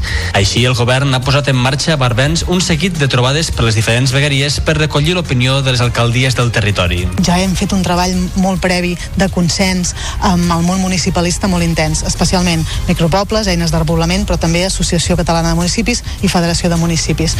En tot cas, si ara encara ens fan consideracions, és un moment que encara les podem eh, assumir. L'executiu preveu poder donar llum verda a l'avantprojecte al mes de març per després iniciar la tramitació parlamentària que esperen poder aprovar abans de finalitzar la legislatura. Avui comença el debat en comissió de les esmenes presentades pels grups a la llei d'amnistia. Són esmenes que Junts i Esquerra Republicana van presentar per separat. Tot plegat, quan un nou informe dels lletrats del Congrés posa en dubte la constitucionalitat de la llei i avisa que s'hauria de tramitar com una reforma de la Carta Magna. Aquest nou informe contradiu el que els lletrats del Congrés van emetre el passat mes de novembre i on consideraven que el redactat de la llei d'amnistia sí que era constitucional. Ara alerten també que la norma podria xocar amb la legalitat europea. I el PSOE es torna a situar per davant del PP en estimació de vots, segons el baròmetre de gener del Centre d'Investigacions Sociològiques. Amb un 34%, els socialistes estan en primera posició, gairebé dos punts per sobre del PP, que obté un 32,1%. També hi ha canvis de posicions pel que fa als partits catalans. Junts superaria per una dècima Esquerra Republicana en cas que se celebressin eleccions al Congrés. El baròmetre dona per primera vegada la dada en estimació de vot de sumar al marge de Podem. El partit de Yolanda Díaz obtindria el 9,7% mantenint la tercera posició per davant de Vox. I una regidora d'Esquerra Republicana de Catalunya a Ribera d'Ondara, la Sagarra, ha negociat amb el partit d'extrema dreta Aliança Catalana per intentar desbancar l'actual alcalde del PSC que governa en minoria i que fins ara ha rebut el suport d'aquest últim partit. Esquerra ja ha anunciat que ha iniciat mesures per fer fora la seva portaveu i encara no està clar si la moció de censura acabarà tirant o no endavant. Caldrà veure si es confirma en els pròxims dies. En té els detalls la Noelia Burgos des de Lleida TV. La Direcció Nacional d'Esquerra Republicana de Catalunya ha iniciat els tràmits per expulsar la portaveu d'acord municipal al municipi de Ribera d'Ondara, a la Segarra, Elisabet Jové, tot plegat després que els tres regidors republicans d'aquest poble haguessin negociat amb l'únic regidor d'Aliança Catalana, el partit d'extrema dreta, per tirar endavant una moció de censura i desbancar el govern en minoria del PSC, liderat per Francesc Sabanés, qui considera el fet com un joc de cadires. Amb l'Albert, el d'Aliança Catalana, doncs mantenim, mantenc jo, una bona, una bona relació, a, si més no a nivell de propostes de poble. De fet, ell va ser el que em va investir com a alcalde el seu dia, que en cap cas pactaria amb l'esquerra perquè estava molt lluny de les seva, dels seus ideals i dels seus principis. Hem anat treballant plegats fins a dia d'avui. Ell mateix em va dir que estaven obrint negociacions amb Esquerra. L'única via que jo veig aquí és entendre'ns entre tots els tres partits, a fer aquest joc de cadires que no sé què, què porten, no hi veig, no hi veig, no hi veig sentit. Posats en contacte amb Elisabet Jové, la regidora ha assenyalat que de moment no farà cap comentari. El cas el gestiona la Direcció Nacional d'Esquerra, que tampoc hi té res a dir.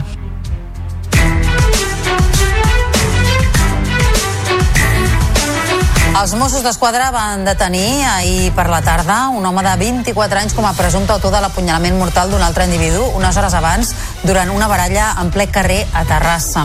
Cap a dos quarts d'una del migdia, el cos policial va rebre un avís segons el qual al carrer Bertrina hi havia un home ferit per arma blanca. En arribar a l'indret van trobar la víctima i efectius del sistema d'emergències mèdiques li van practicar maniobres de reanimació però no van poder fer res per salvar-li la vida.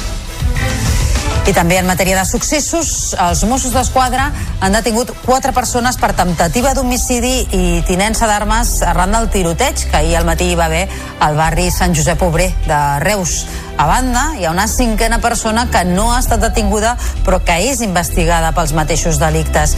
També es van fer tres entrades judicials en domicilis i es van intervenir diverses armes en el marc del mateix operatiu policial. La investigació continua oberta i no es descarten més detencions.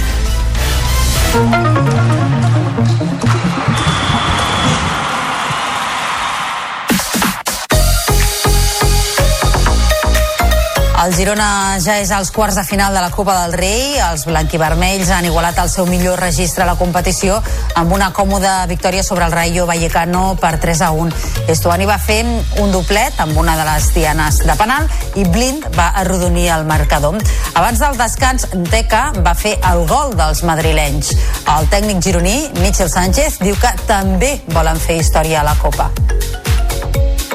Eh, estamos en una ronda muy bonita que es por segunda vez que el Girona llega a cuartos de final y queremos dar un pasito más y ser capaces, a ver si somos capaces de hacer historia y meternos en semifinales, que sería, sería ya histórico.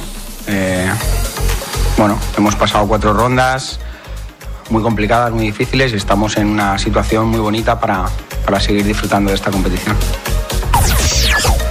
I avui és el torn del Barça, que visita l'Unionistes de Salamanca, equip de la primera federació, a partir de dos quarts de vuit. Els blaugrana arriben amb vuit baixes, sense Araujo i la Mal per sanció, ni els lesionats Cancelo, Rafinha, Íñigo Martínez, Gavi, Ter Stegen i Marcos Alonso. El Barça va superar el Real Madrid per 4-0 en les semifinals de la Supercopa Femenina i diumenge lluitarà pel títol contra el Llevant. Les Blaugrana van encaminar el partit aviat amb les dianes de Mariona i Salma en el primer quart d'hora de joc. Abans del descans, de nou Mariona va fer el tercer i Salma va rematar la golejada a l'inici del segon temps. La davantera mallorquina valorava l'actuació de l'equip.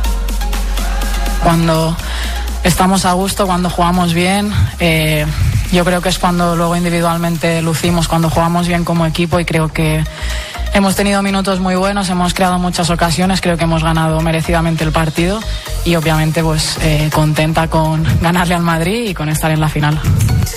L'Espart Girona jugarà als quarts de final de l'Eurocup femenina de bàsquet després d'eliminar el Cadí la Seu. Les gironines, que ja s'havien imposat en el partit d'anada, van ser molt superiors a les de la Seu d'Urgell i es van endur una victòria amb 29 punts de marge per 68 a 39. L'únic serà aquesta tarda el seu rival als quarts de final. I el Joventut va sumar un nou triomf a l'Eurocup gràcies a l'encert de Feliz en el darrer segon. Els vertinegres van guanyar a la pista del London Lions per 80-82 i sumen la setena victòria seguida. I a l'Eurolliga, el Barça juga aquesta tarda a dos quarts de set a la pista de l'Anadolu Efes amb l'objectiu de mantenir el ple de victòries del 2024. Després de la crisi de resultats del desembre, l'equip blaugrana vol sumar a Turquia la setena victòria consecutiva. I a l'Hockey Lliga, el Barça no va tenir pietat i va golejar el Voltregà per 13 a 1 en el partit avançat per disputar dissabte de la tornada dels vuitens de final de la Europe Cup. Al descans, els Blaurana ja dominaven per 5 a 0.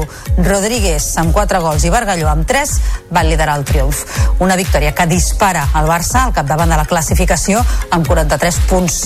L'entrenador Blaurana, Edu Castro, valorava la bona feina dels seus jugadors hi ha dies en què tot surt bé i molt encert de cara a porteria han entrat molts gols a la primera, més a la segona inclús la veritat és que ens hem trobat molt còmodes en tot el partit i l'equip ha corregut moltíssim i molt bé les contres i en tot moment amb un ritme de vol altíssim i crec que això els ha fet molt de mal i, i ells doncs, han passat un, un partit que suposo que se'ls ha fet llarg.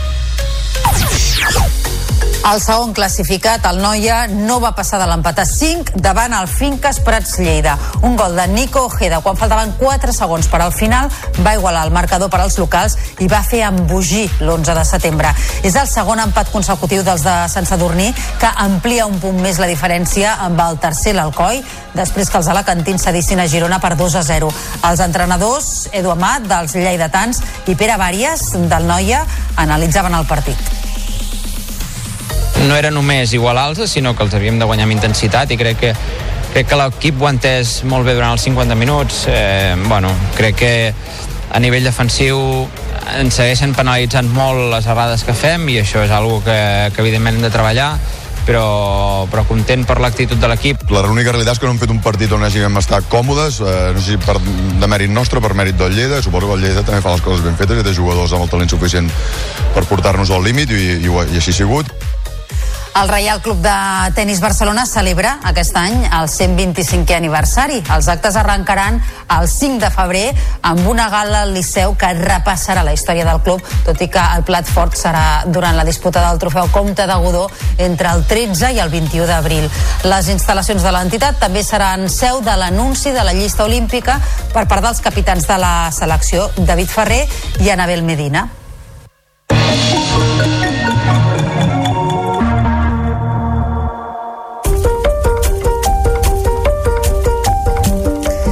La Generalitat i 15 equipaments culturals nacionals es conjuren per la llibertat d'expressió.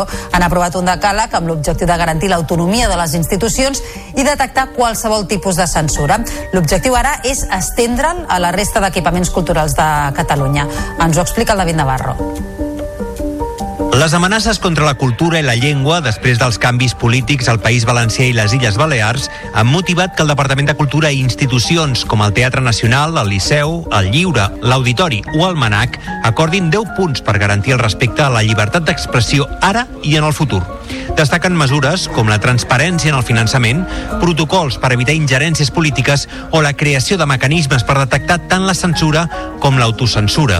L'objectiu final, segons ha explicat la consellera de Cultura, Natàlia Garriga, és blindar la llibertat de creació. Nosaltres estem convençuts que estem, estem vivint en una democràcia on els, aquests valors i aquests principis estan preservats i sembla que en alguns espais no ho estan i volem que aquí no passi, que governi qui governi, aquests valors i principis estiguin preservats. Una comissió de seguiment i una futura jornada sobre la llibertat d'expressió serviran per enfortir el pacte. Un acord que s'estendrà al món local a través del Consell de la Mancomunitat Cultural, amb l'objectiu que sigui també assumit pels equipaments municipals. L'antiga fàbrica de Cal Trapat de Tàrrega és l'escenari escollit pel videoclip de l'últim hit del cantant coreà Jeon Dong-won. El rodatge es va fer a finals d'octubre i ell i tot l'equip van quedar encantats amb les instal·lacions i amb l'aire que aquestes li donen a la cançó de K-pop Who Am I. En Jaume Boquet de la televisió de Tàrrega ens ho explica. L'antiga fàbrica Trepat es consolida com un dels escenaris audiovisuals de referència de l'Urgell i les Terres de Lleida. L'última prova és el videoclip de la cançó Who Am I, del jove cantant sud-coreà Jong Dong-won, amb la voluntat de contraposar l'art contemporani de la proposta i el realisme cru de la fàbrica.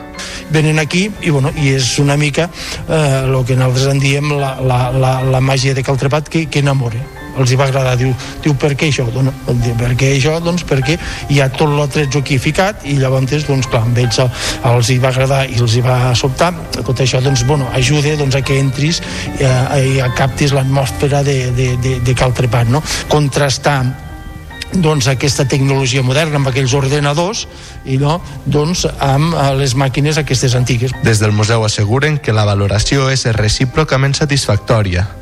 Mostren són els segons dedicats al rètol de la fàbrica al final del videoclip i l'aparició d'un paratge rural del municipi de Vilagrassa. I s'ha presentat la imatge de la Fira d'Espectacles Infantils i Juvenils que es farà a Igualada a l'abril. És una peça de poesia visual protagonitzada per una butaca amb dues franges de color que actuen com a taló que s'obre i dona pas a una escena onírica. És obra dels joves membres de l'agència de disseny igualadina Quartada.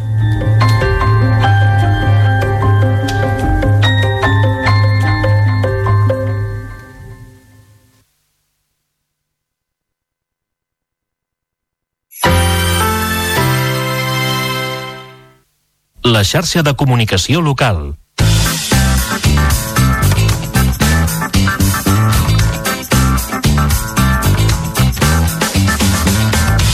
Sabies que... Què engreixa més, l'oli d'oliva o la mantega? Tenint en compte que l'oli d'oliva es compon principalment per greixos, existeix la creença popular que engreixa molt. Doncs això és un fals mite. L'oli d'oliva no afavoreix l'augment de pes sempre que es consumeixi de forma moderada. Es tracta d'un aliment d'origen vegetal, de manera que no té colesterol. Això és un gran punt a favor per la cura de la salut cardiovascular. En comparació amb altres olis com el de girassol, el contingut en àcids grassos monoinsaturats és molt alta, 70 grams per cada 100. D'ells, la proporció més gran correspon a l'àcid gras omega-9, que enforteix el sistema immunològic i redueix els nivells de colesterol. A més, té propietats antioxidants en ser una font rica de vitamina E. L'oli d'oliva és un aliment molt calòric i aporta 884 calories per cada 100 grams. La recomanació dels experts és consumir 40 mil·lilitres al dia per gaudir de tots els seus beneficis. Per part de la mantega, hi ha diversos mites que és important desmentir. La margarina és més sana?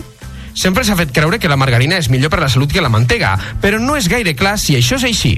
Alguns experts assenyalen que la mantega és més sana en no incloure greixos trans, mentre que altres asseguren que la margarina és més sana en tenir menys greixos saturats. La veritat és que totes dues tenen la mateixa proporció de greixos, amb l'única diferència que tenen una procedència diferent. També es diu que la mantega engreixa més que l'oli d'oliva. Això tampoc és així, ja que tots dos aliments tenen pràcticament la mateixa aportació calòrica. La mantega no es compon única i exclusivament de greixos. És un producte làctic, que s'elabora a partir de llet i que també compta amb olis vegetals. L'aportació calòrica de la mantega és de 717 calories per cada 100 grams. Per tant, la mantega aporta menys calories que l'oli d'oliva.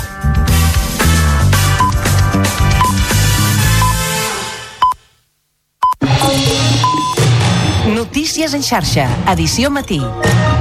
Amb Taís Trujillo. Bon dia, són dos quarts de nou del matí i avui al Notícies en xarxa us estem explicant la reforma del Servei d'Ocupació de Catalunya.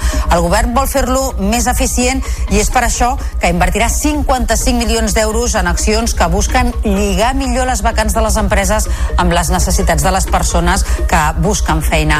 És a dir, que estenent la presència del servei a les 8 vegueries es farà una atenció més personalitzada amb més de 200 orientadors nous. Els ens locals tindran un paper destacat a l'hora d'identificar els llocs de treball sense cobrir. També us estem explicant que aquest dijous es reuneix per primer cop la Comissió Bilateral Generalitat-Estat sobre el futur de l'aeroport del Prat.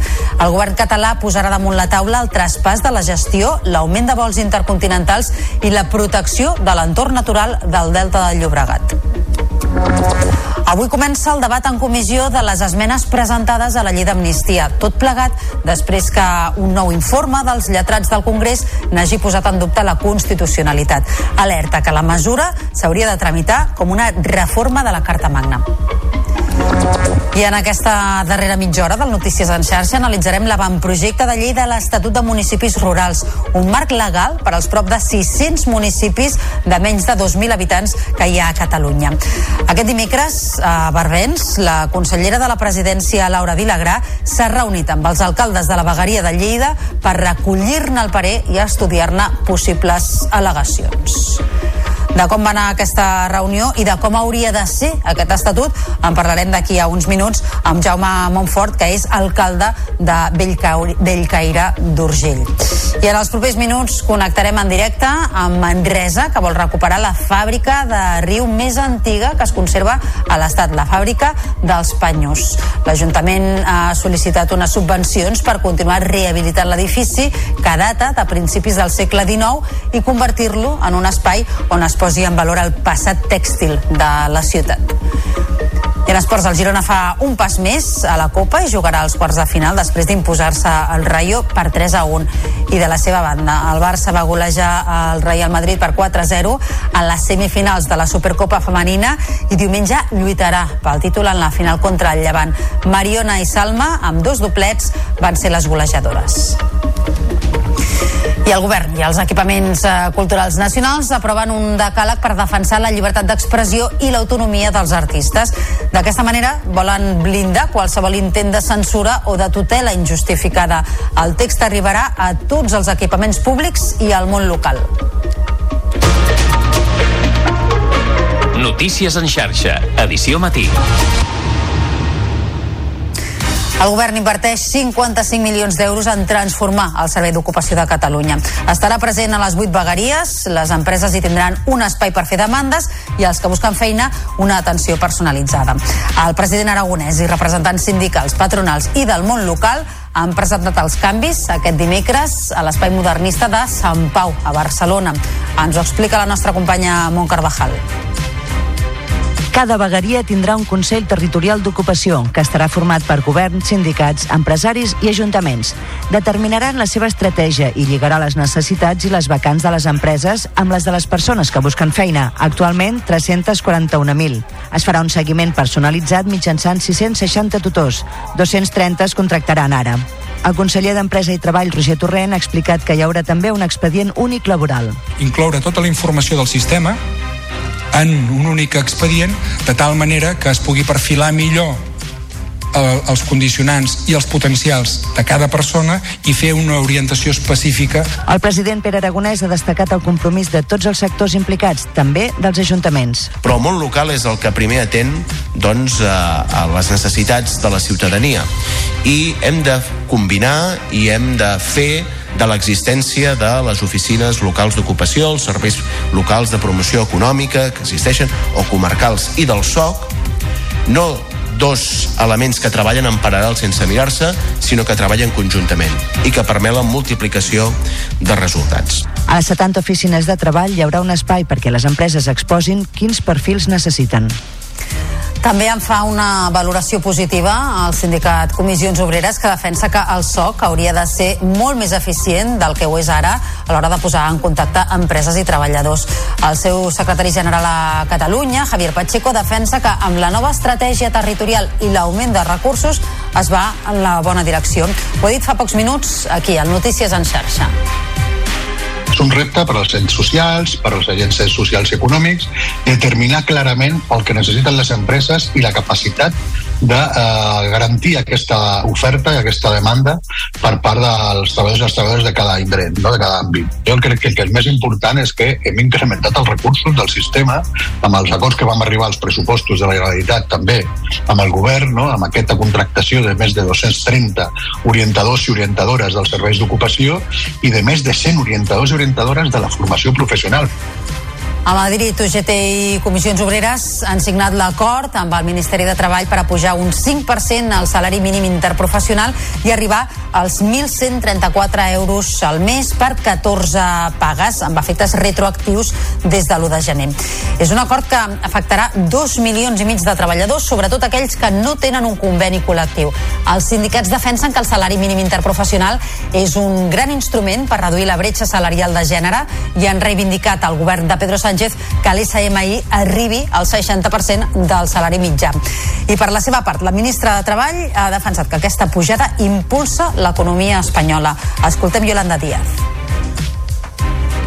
Subir el salario mínimo, subir los salarios en general, mejora la vida de la gente trabajadora, pero como digo, mejora e impulsa la economía, que tiene en el consumo de las familias la principal componente de la demanda interna, que es a su vez en los lenguajes clásicos en la ortodoxia económica el factor clave de crecimiento del PIB. Encara en l'àmbit laboral, la direcció de Danone s'ha compromès a buscar la millor solució per a la planta de Parets del Vallès després de la primera reunió amb els representants sindicals per negociar el tancament de la fàbrica anunciat per la companyia francesa.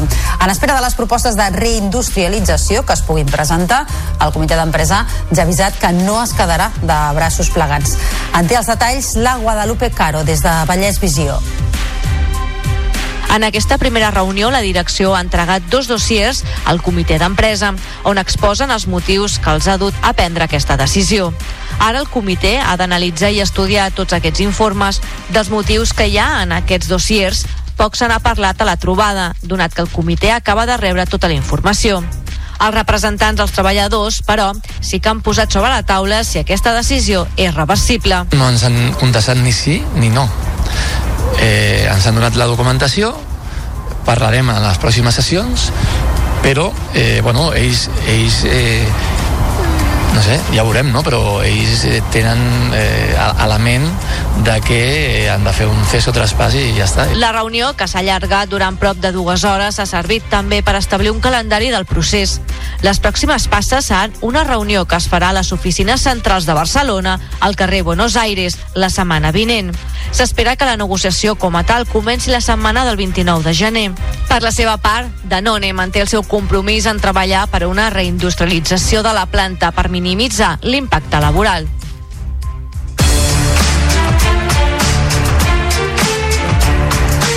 Avui es farà la primera reunió de la Comissió Bilateral Generalitat-Estat sobre el futur de l'aeroport del Prat.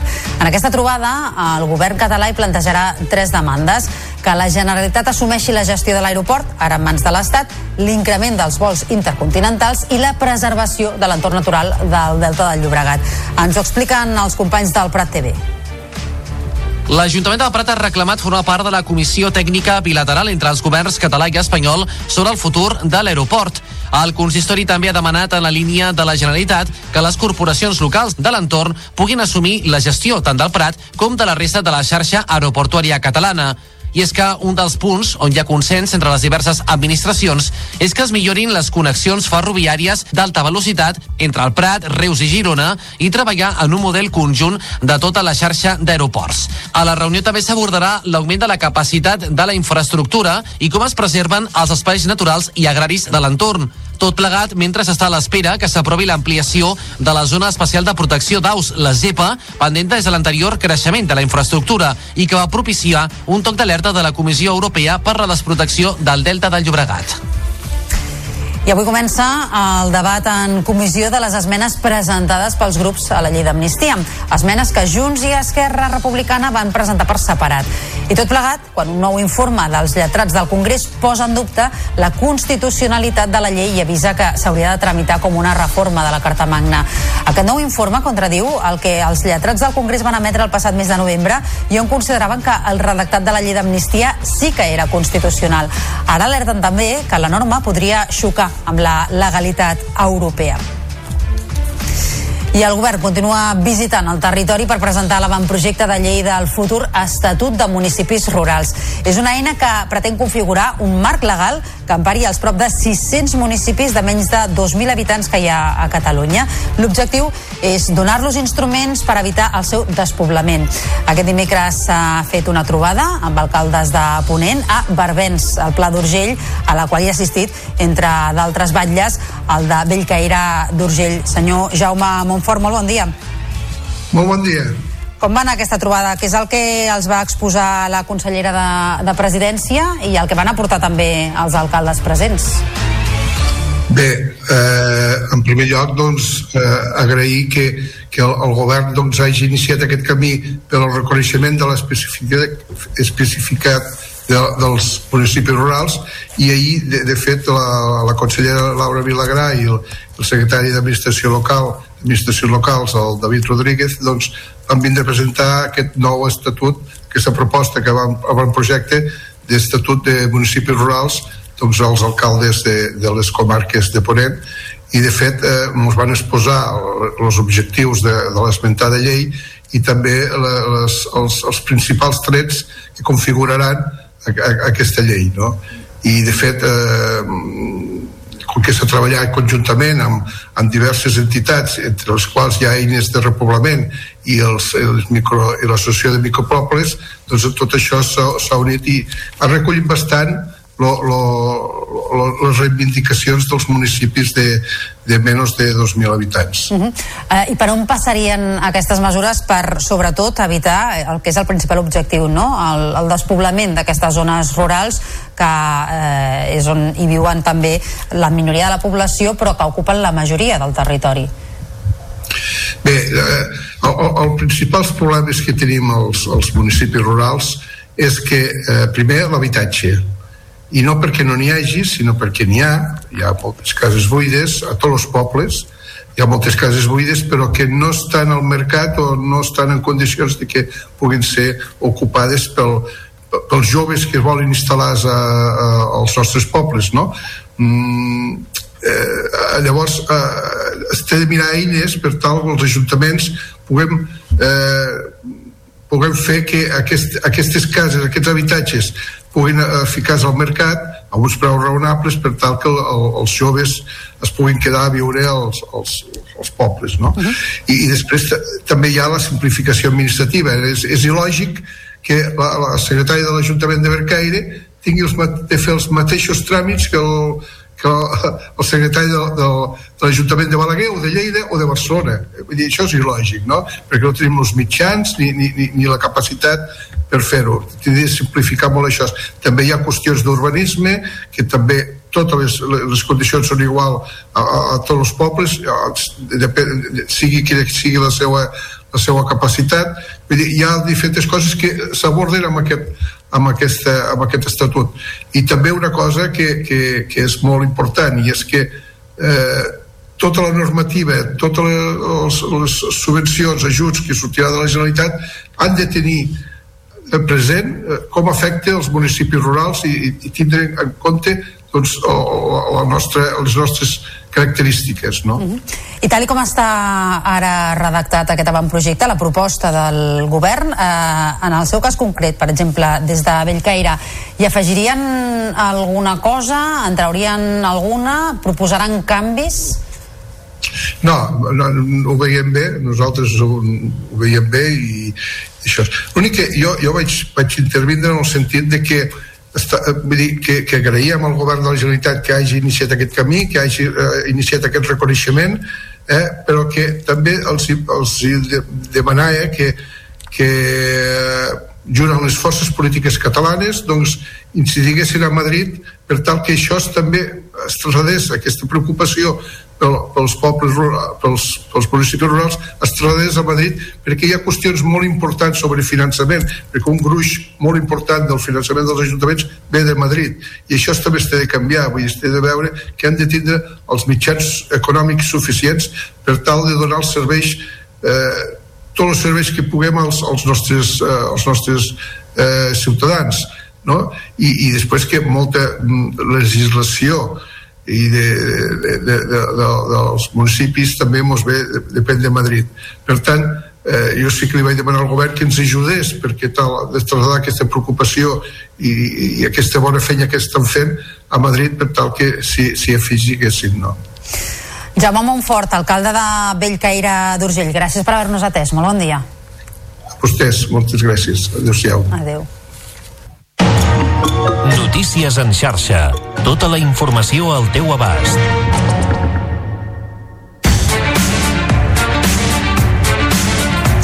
Tres quarts de nou hora del matí, Manresa vol recuperar la fàbrica de riu més antiga que es conserva a l'Estat i posar en valor el passat tèxtil de la ciutat.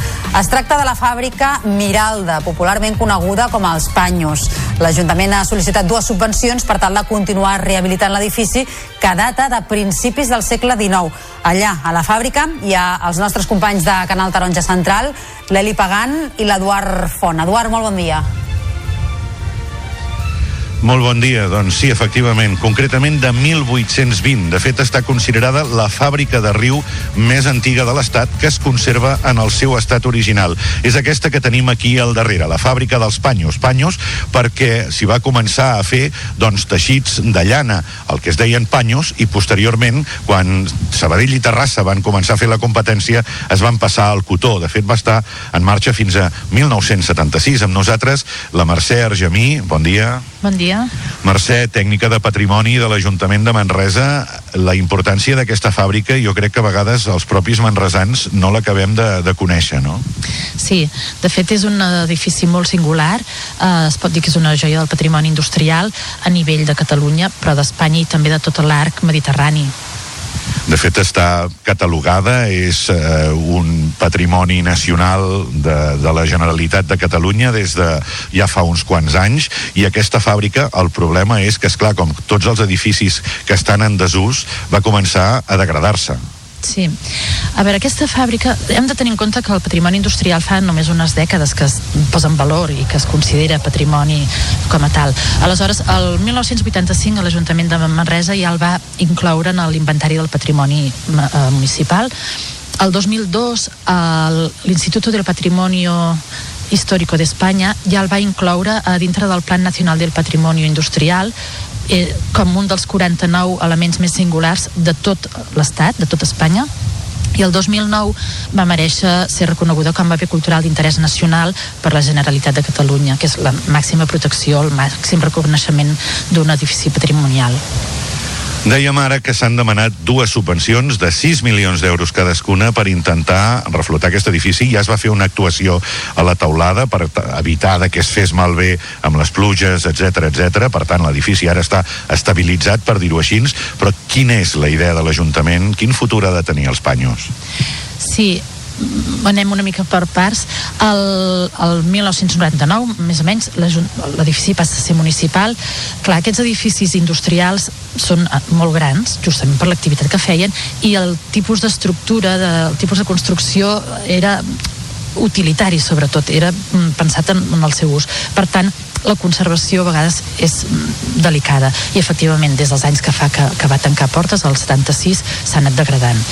Aleshores, la inversió és enorme, són molts metres quadrats i eh, el primer que es va fer el 2008, quan es va poder disposar de, de finançament necessari, es va reparar la coberta, que és el pas principal justament per, per tancar l'edifici perquè no hi plogui dins i per aturar la degradació. A partir d'aquí s'han anat buscant maneres d'abordar el finançament de, de la restauració, la recuperació de l'edifici és complicat perquè va lligat també amb els possibles usos que s'hi puguin fer eh, però justament ara hem tingut l'oportunitat de demanar dues subvencions que casualment han sortit en paral·lel, però ja feia temps que les esperàvem. Un és el 2% cultural, del Ministeri de Transportes um, per, uh, per aquesta subvenció s'han demanat 3.900.000 euros aproximadament que és la restauració estructural de tots els pisos el, les, els forjats dels interiors de, dels, de l'edifici molt bé, la utilitat segurament serà, com dèieu al principi, a la planta baixa una zona d'interpretació del que és tota l'anella verda de Manresa i del passat tèxtil de Manresa i a dalt segurament hi aniran oficines. Mercè, moltíssimes gràcies. Gràcies a vosaltres. Mentrestant, la fàbrica dels Panyos segueix guardant aquesta entrada, l'entrada de la ciutat de Manresa des del riu, que vostès no el veuen, però està just a l'altra banda de l'edifici.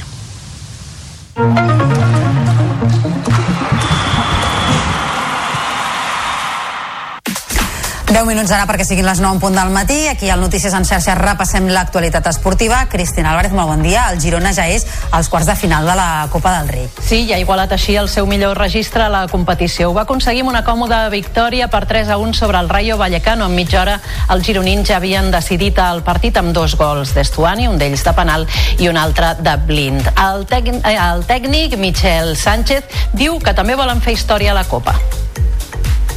Eh, estamos en una ronda muy bonita que es por segunda vez que el Girona llega a cuartos de final y queremos dar un pasito más y ser capaces, a ver si somos capaces de hacer historia y meternos en semifinales, que sería, sería ya histórico.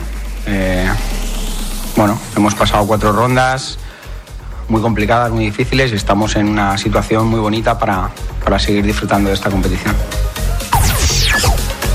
I avui és el torn del Barça que visita l'Unionistes de Salamanca, equip de la primera federació a partir de dos quarts de vuit. Els blaugranes arriben amb vuit baixes, sense Araujo i la Yamal per sanció ni els lesionats Cancelo, Rafinha, Íñigo Martínez, Gavi, Ter Stegen i Marcos Alonso. Després de la desfeta davant el Real Madrid a la Supercopa, Xavi assegura que se sent amb confiança per lluitar pels títols, però que si no es guanyen no seguirà la banqueta. Si no es guanya, doncs doncs com tots els entrenadors. Si no es co cobreixen els objectius, jo seré el primer que diré, doncs pues mira, fins aquí hem arribat, però estem a meitat de temporada i tot en joc. Aquesta és la meva realitat. Crec que estem molt més a prop de l'èxit que, de la, que, que de la derrota. De fet, hem tingut èxit a la, a la meitat de la primera temporada, a la temporada passada i aquesta estem camí de l'èxit, tot i perdre la Supercopa. El Barça va golejar el Real Madrid per 4-0 a les semifinals de la Supercopa Femenina i diumenge lluitarà pel títol contra el Llevant. Les blaugranes van encaminar el partit aviat amb les dianes de Mariona i Salma en el primer quart d'hora de joc. Abans del descans, de nou Mariona va fer el tercer i Salma va rematar la golejada a l'inici del segon temps. L'Espart Girona jugarà als quarts de final de l'Eurocup femenina de bàsquet després d'eliminar el Cadí la Seu. Les gironines, que ja s'havien imposat en el partit d'anada, van ser molt superiors a les de la Seu d'Urgell i es van endonar victòria amb 29 punts de marge per 68 a 39. L'únic coneixerà aquesta tarda el seu rival a quarts, que serà el Galatasaray o el Gorzov. A l'Eurolliga, el Barça juga aquesta tarda a dos quarts de set a la pista de l'Anadolu Efes amb l'objectiu de mantenir el ple de victòries al 2024. Després de la crisi de resultats del desembre, l'equip blaugrana vol sumar a Turquia la setena victòria consecutiva. El tècnic Roger Grimau avisa de la fortalesa de l'Efes que després de set derrotes seguides a l'Eurolliga ve de guanyar el Virtus de Bolònia. Molt agressius, que ens ha sorprès la, la defensa que van fer amb moltíssima agressivitat, especialment allà són molt perillosos perquè els, els jugadors ja els coneixem però sempre que els dona un, un plus jugar a casa i bueno, ja et dic que és un partit molt, molt perillós. A l'hoquei Lliga, el Barça no va tenir pietat i va golejar el Voltregà per 13 a 1 en el partit avançat per disputa dissabte de la tornada dels vuitens de final de la Europe Cup. Rodríguez amb 4 gols i Bargalló amb 3 van liderar el triomf, una victòria que dispara el Barça al capdavant de la classificació amb 43 punts. I el segon classificat, el Noia, va empatar 5 davant el Finques Prats. Lleida, un gol de Nico Ojeda, quan faltaven 4 segons per al final, va igualar el marcador per als locals i va fer embogir l'11 de setembre. És el segon empat consecutiu dels de Sant Sadurní, que amplia un punt més la diferència amb el tercer, l'Alcoi, després que els alacantins cedissin a Girona per 2 a 0. Els entrenadors Edu Amat dels Lleidatans i Pere Vàries del Noia analitzaven el duel no era només igualar-los, sinó que els havíem de guanyar amb intensitat i crec que crec que l'equip ho ha entès molt bé durant els 50 minuts eh, bueno, crec que a nivell defensiu ens segueixen penalitzant molt les errades que fem i això és algo que, que evidentment hem de treballar però, però content per l'actitud de l'equip. La única realitat és que no hem fet un partit on hàgim estat còmodes, eh, no sé si per, de mèrit nostre, per mèrit del Lleida, suposo que el Lleida també fa les coses ben fetes i té jugadors amb el talent suficient per portar-nos al límit i, i, i així ha sigut. Doncs jornada amb molts gols que deixa el Barça líder, eh, el Noia seguint-lo. Gràcies, Cristina. Fins demà. Que vagi bé. Nosaltres ara us expliquem que la Generalitat i 15 equipaments culturals nacionals s'han conjurat per la llibertat d'expressió. Ens ho explica el David Navarro. Les amenaces contra la cultura i la llengua després dels canvis polítics al País Valencià i les Illes Balears han motivat que el Departament de Cultura i institucions com el Teatre Nacional, el Liceu, el Lliure, l'Auditori o el MANAC acordin 10 punts per garantir el respecte a la llibertat d'expressió ara i en el futur. Destaquen mesures com la transparència en el finançament, protocols per evitar ingerències polítiques o la creació de mecanismes per detectar tant la censura com l'autocensura.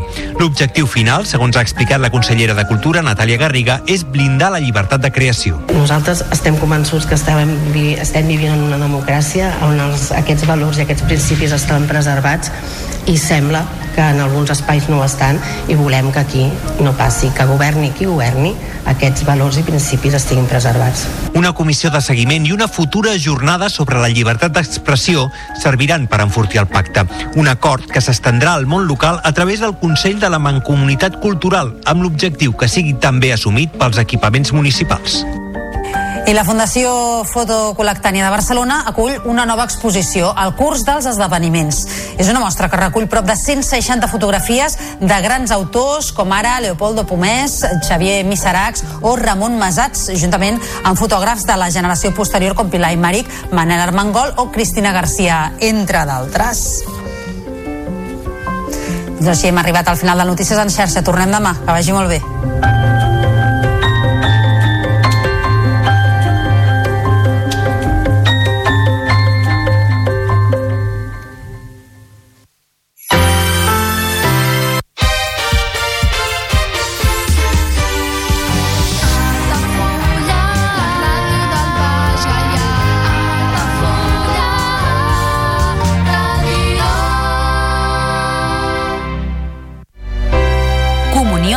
2024. Dates ja disponibles amb sales privades, jardí, pàrquing privat i la millor gastronomia. Més informació i reserves al 977 65 11 55 i a comercial arroba altafullamarotel.com o al web altafullamarotel.com.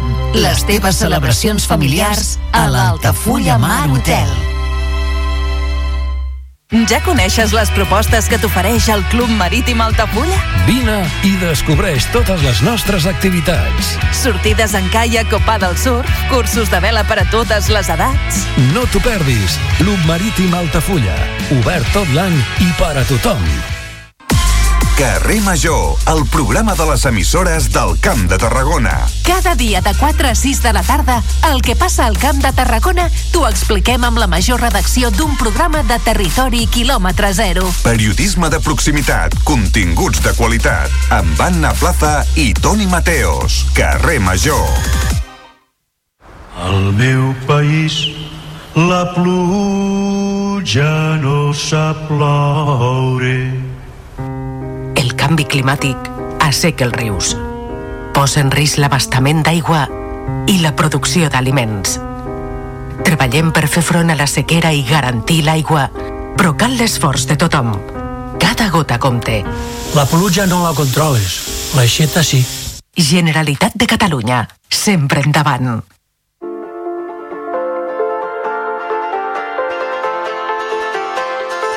que la nit està que crema avui sí que val la pena. Avui no vull anar a dormir.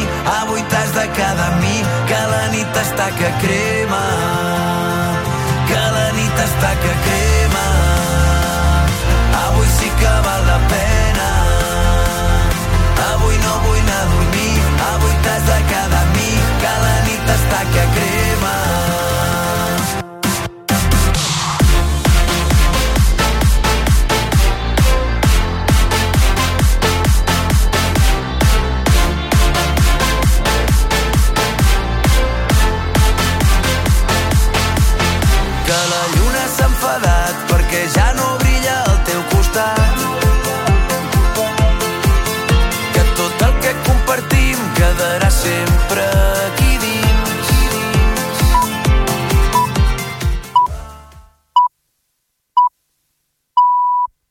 Són les 9 del matí.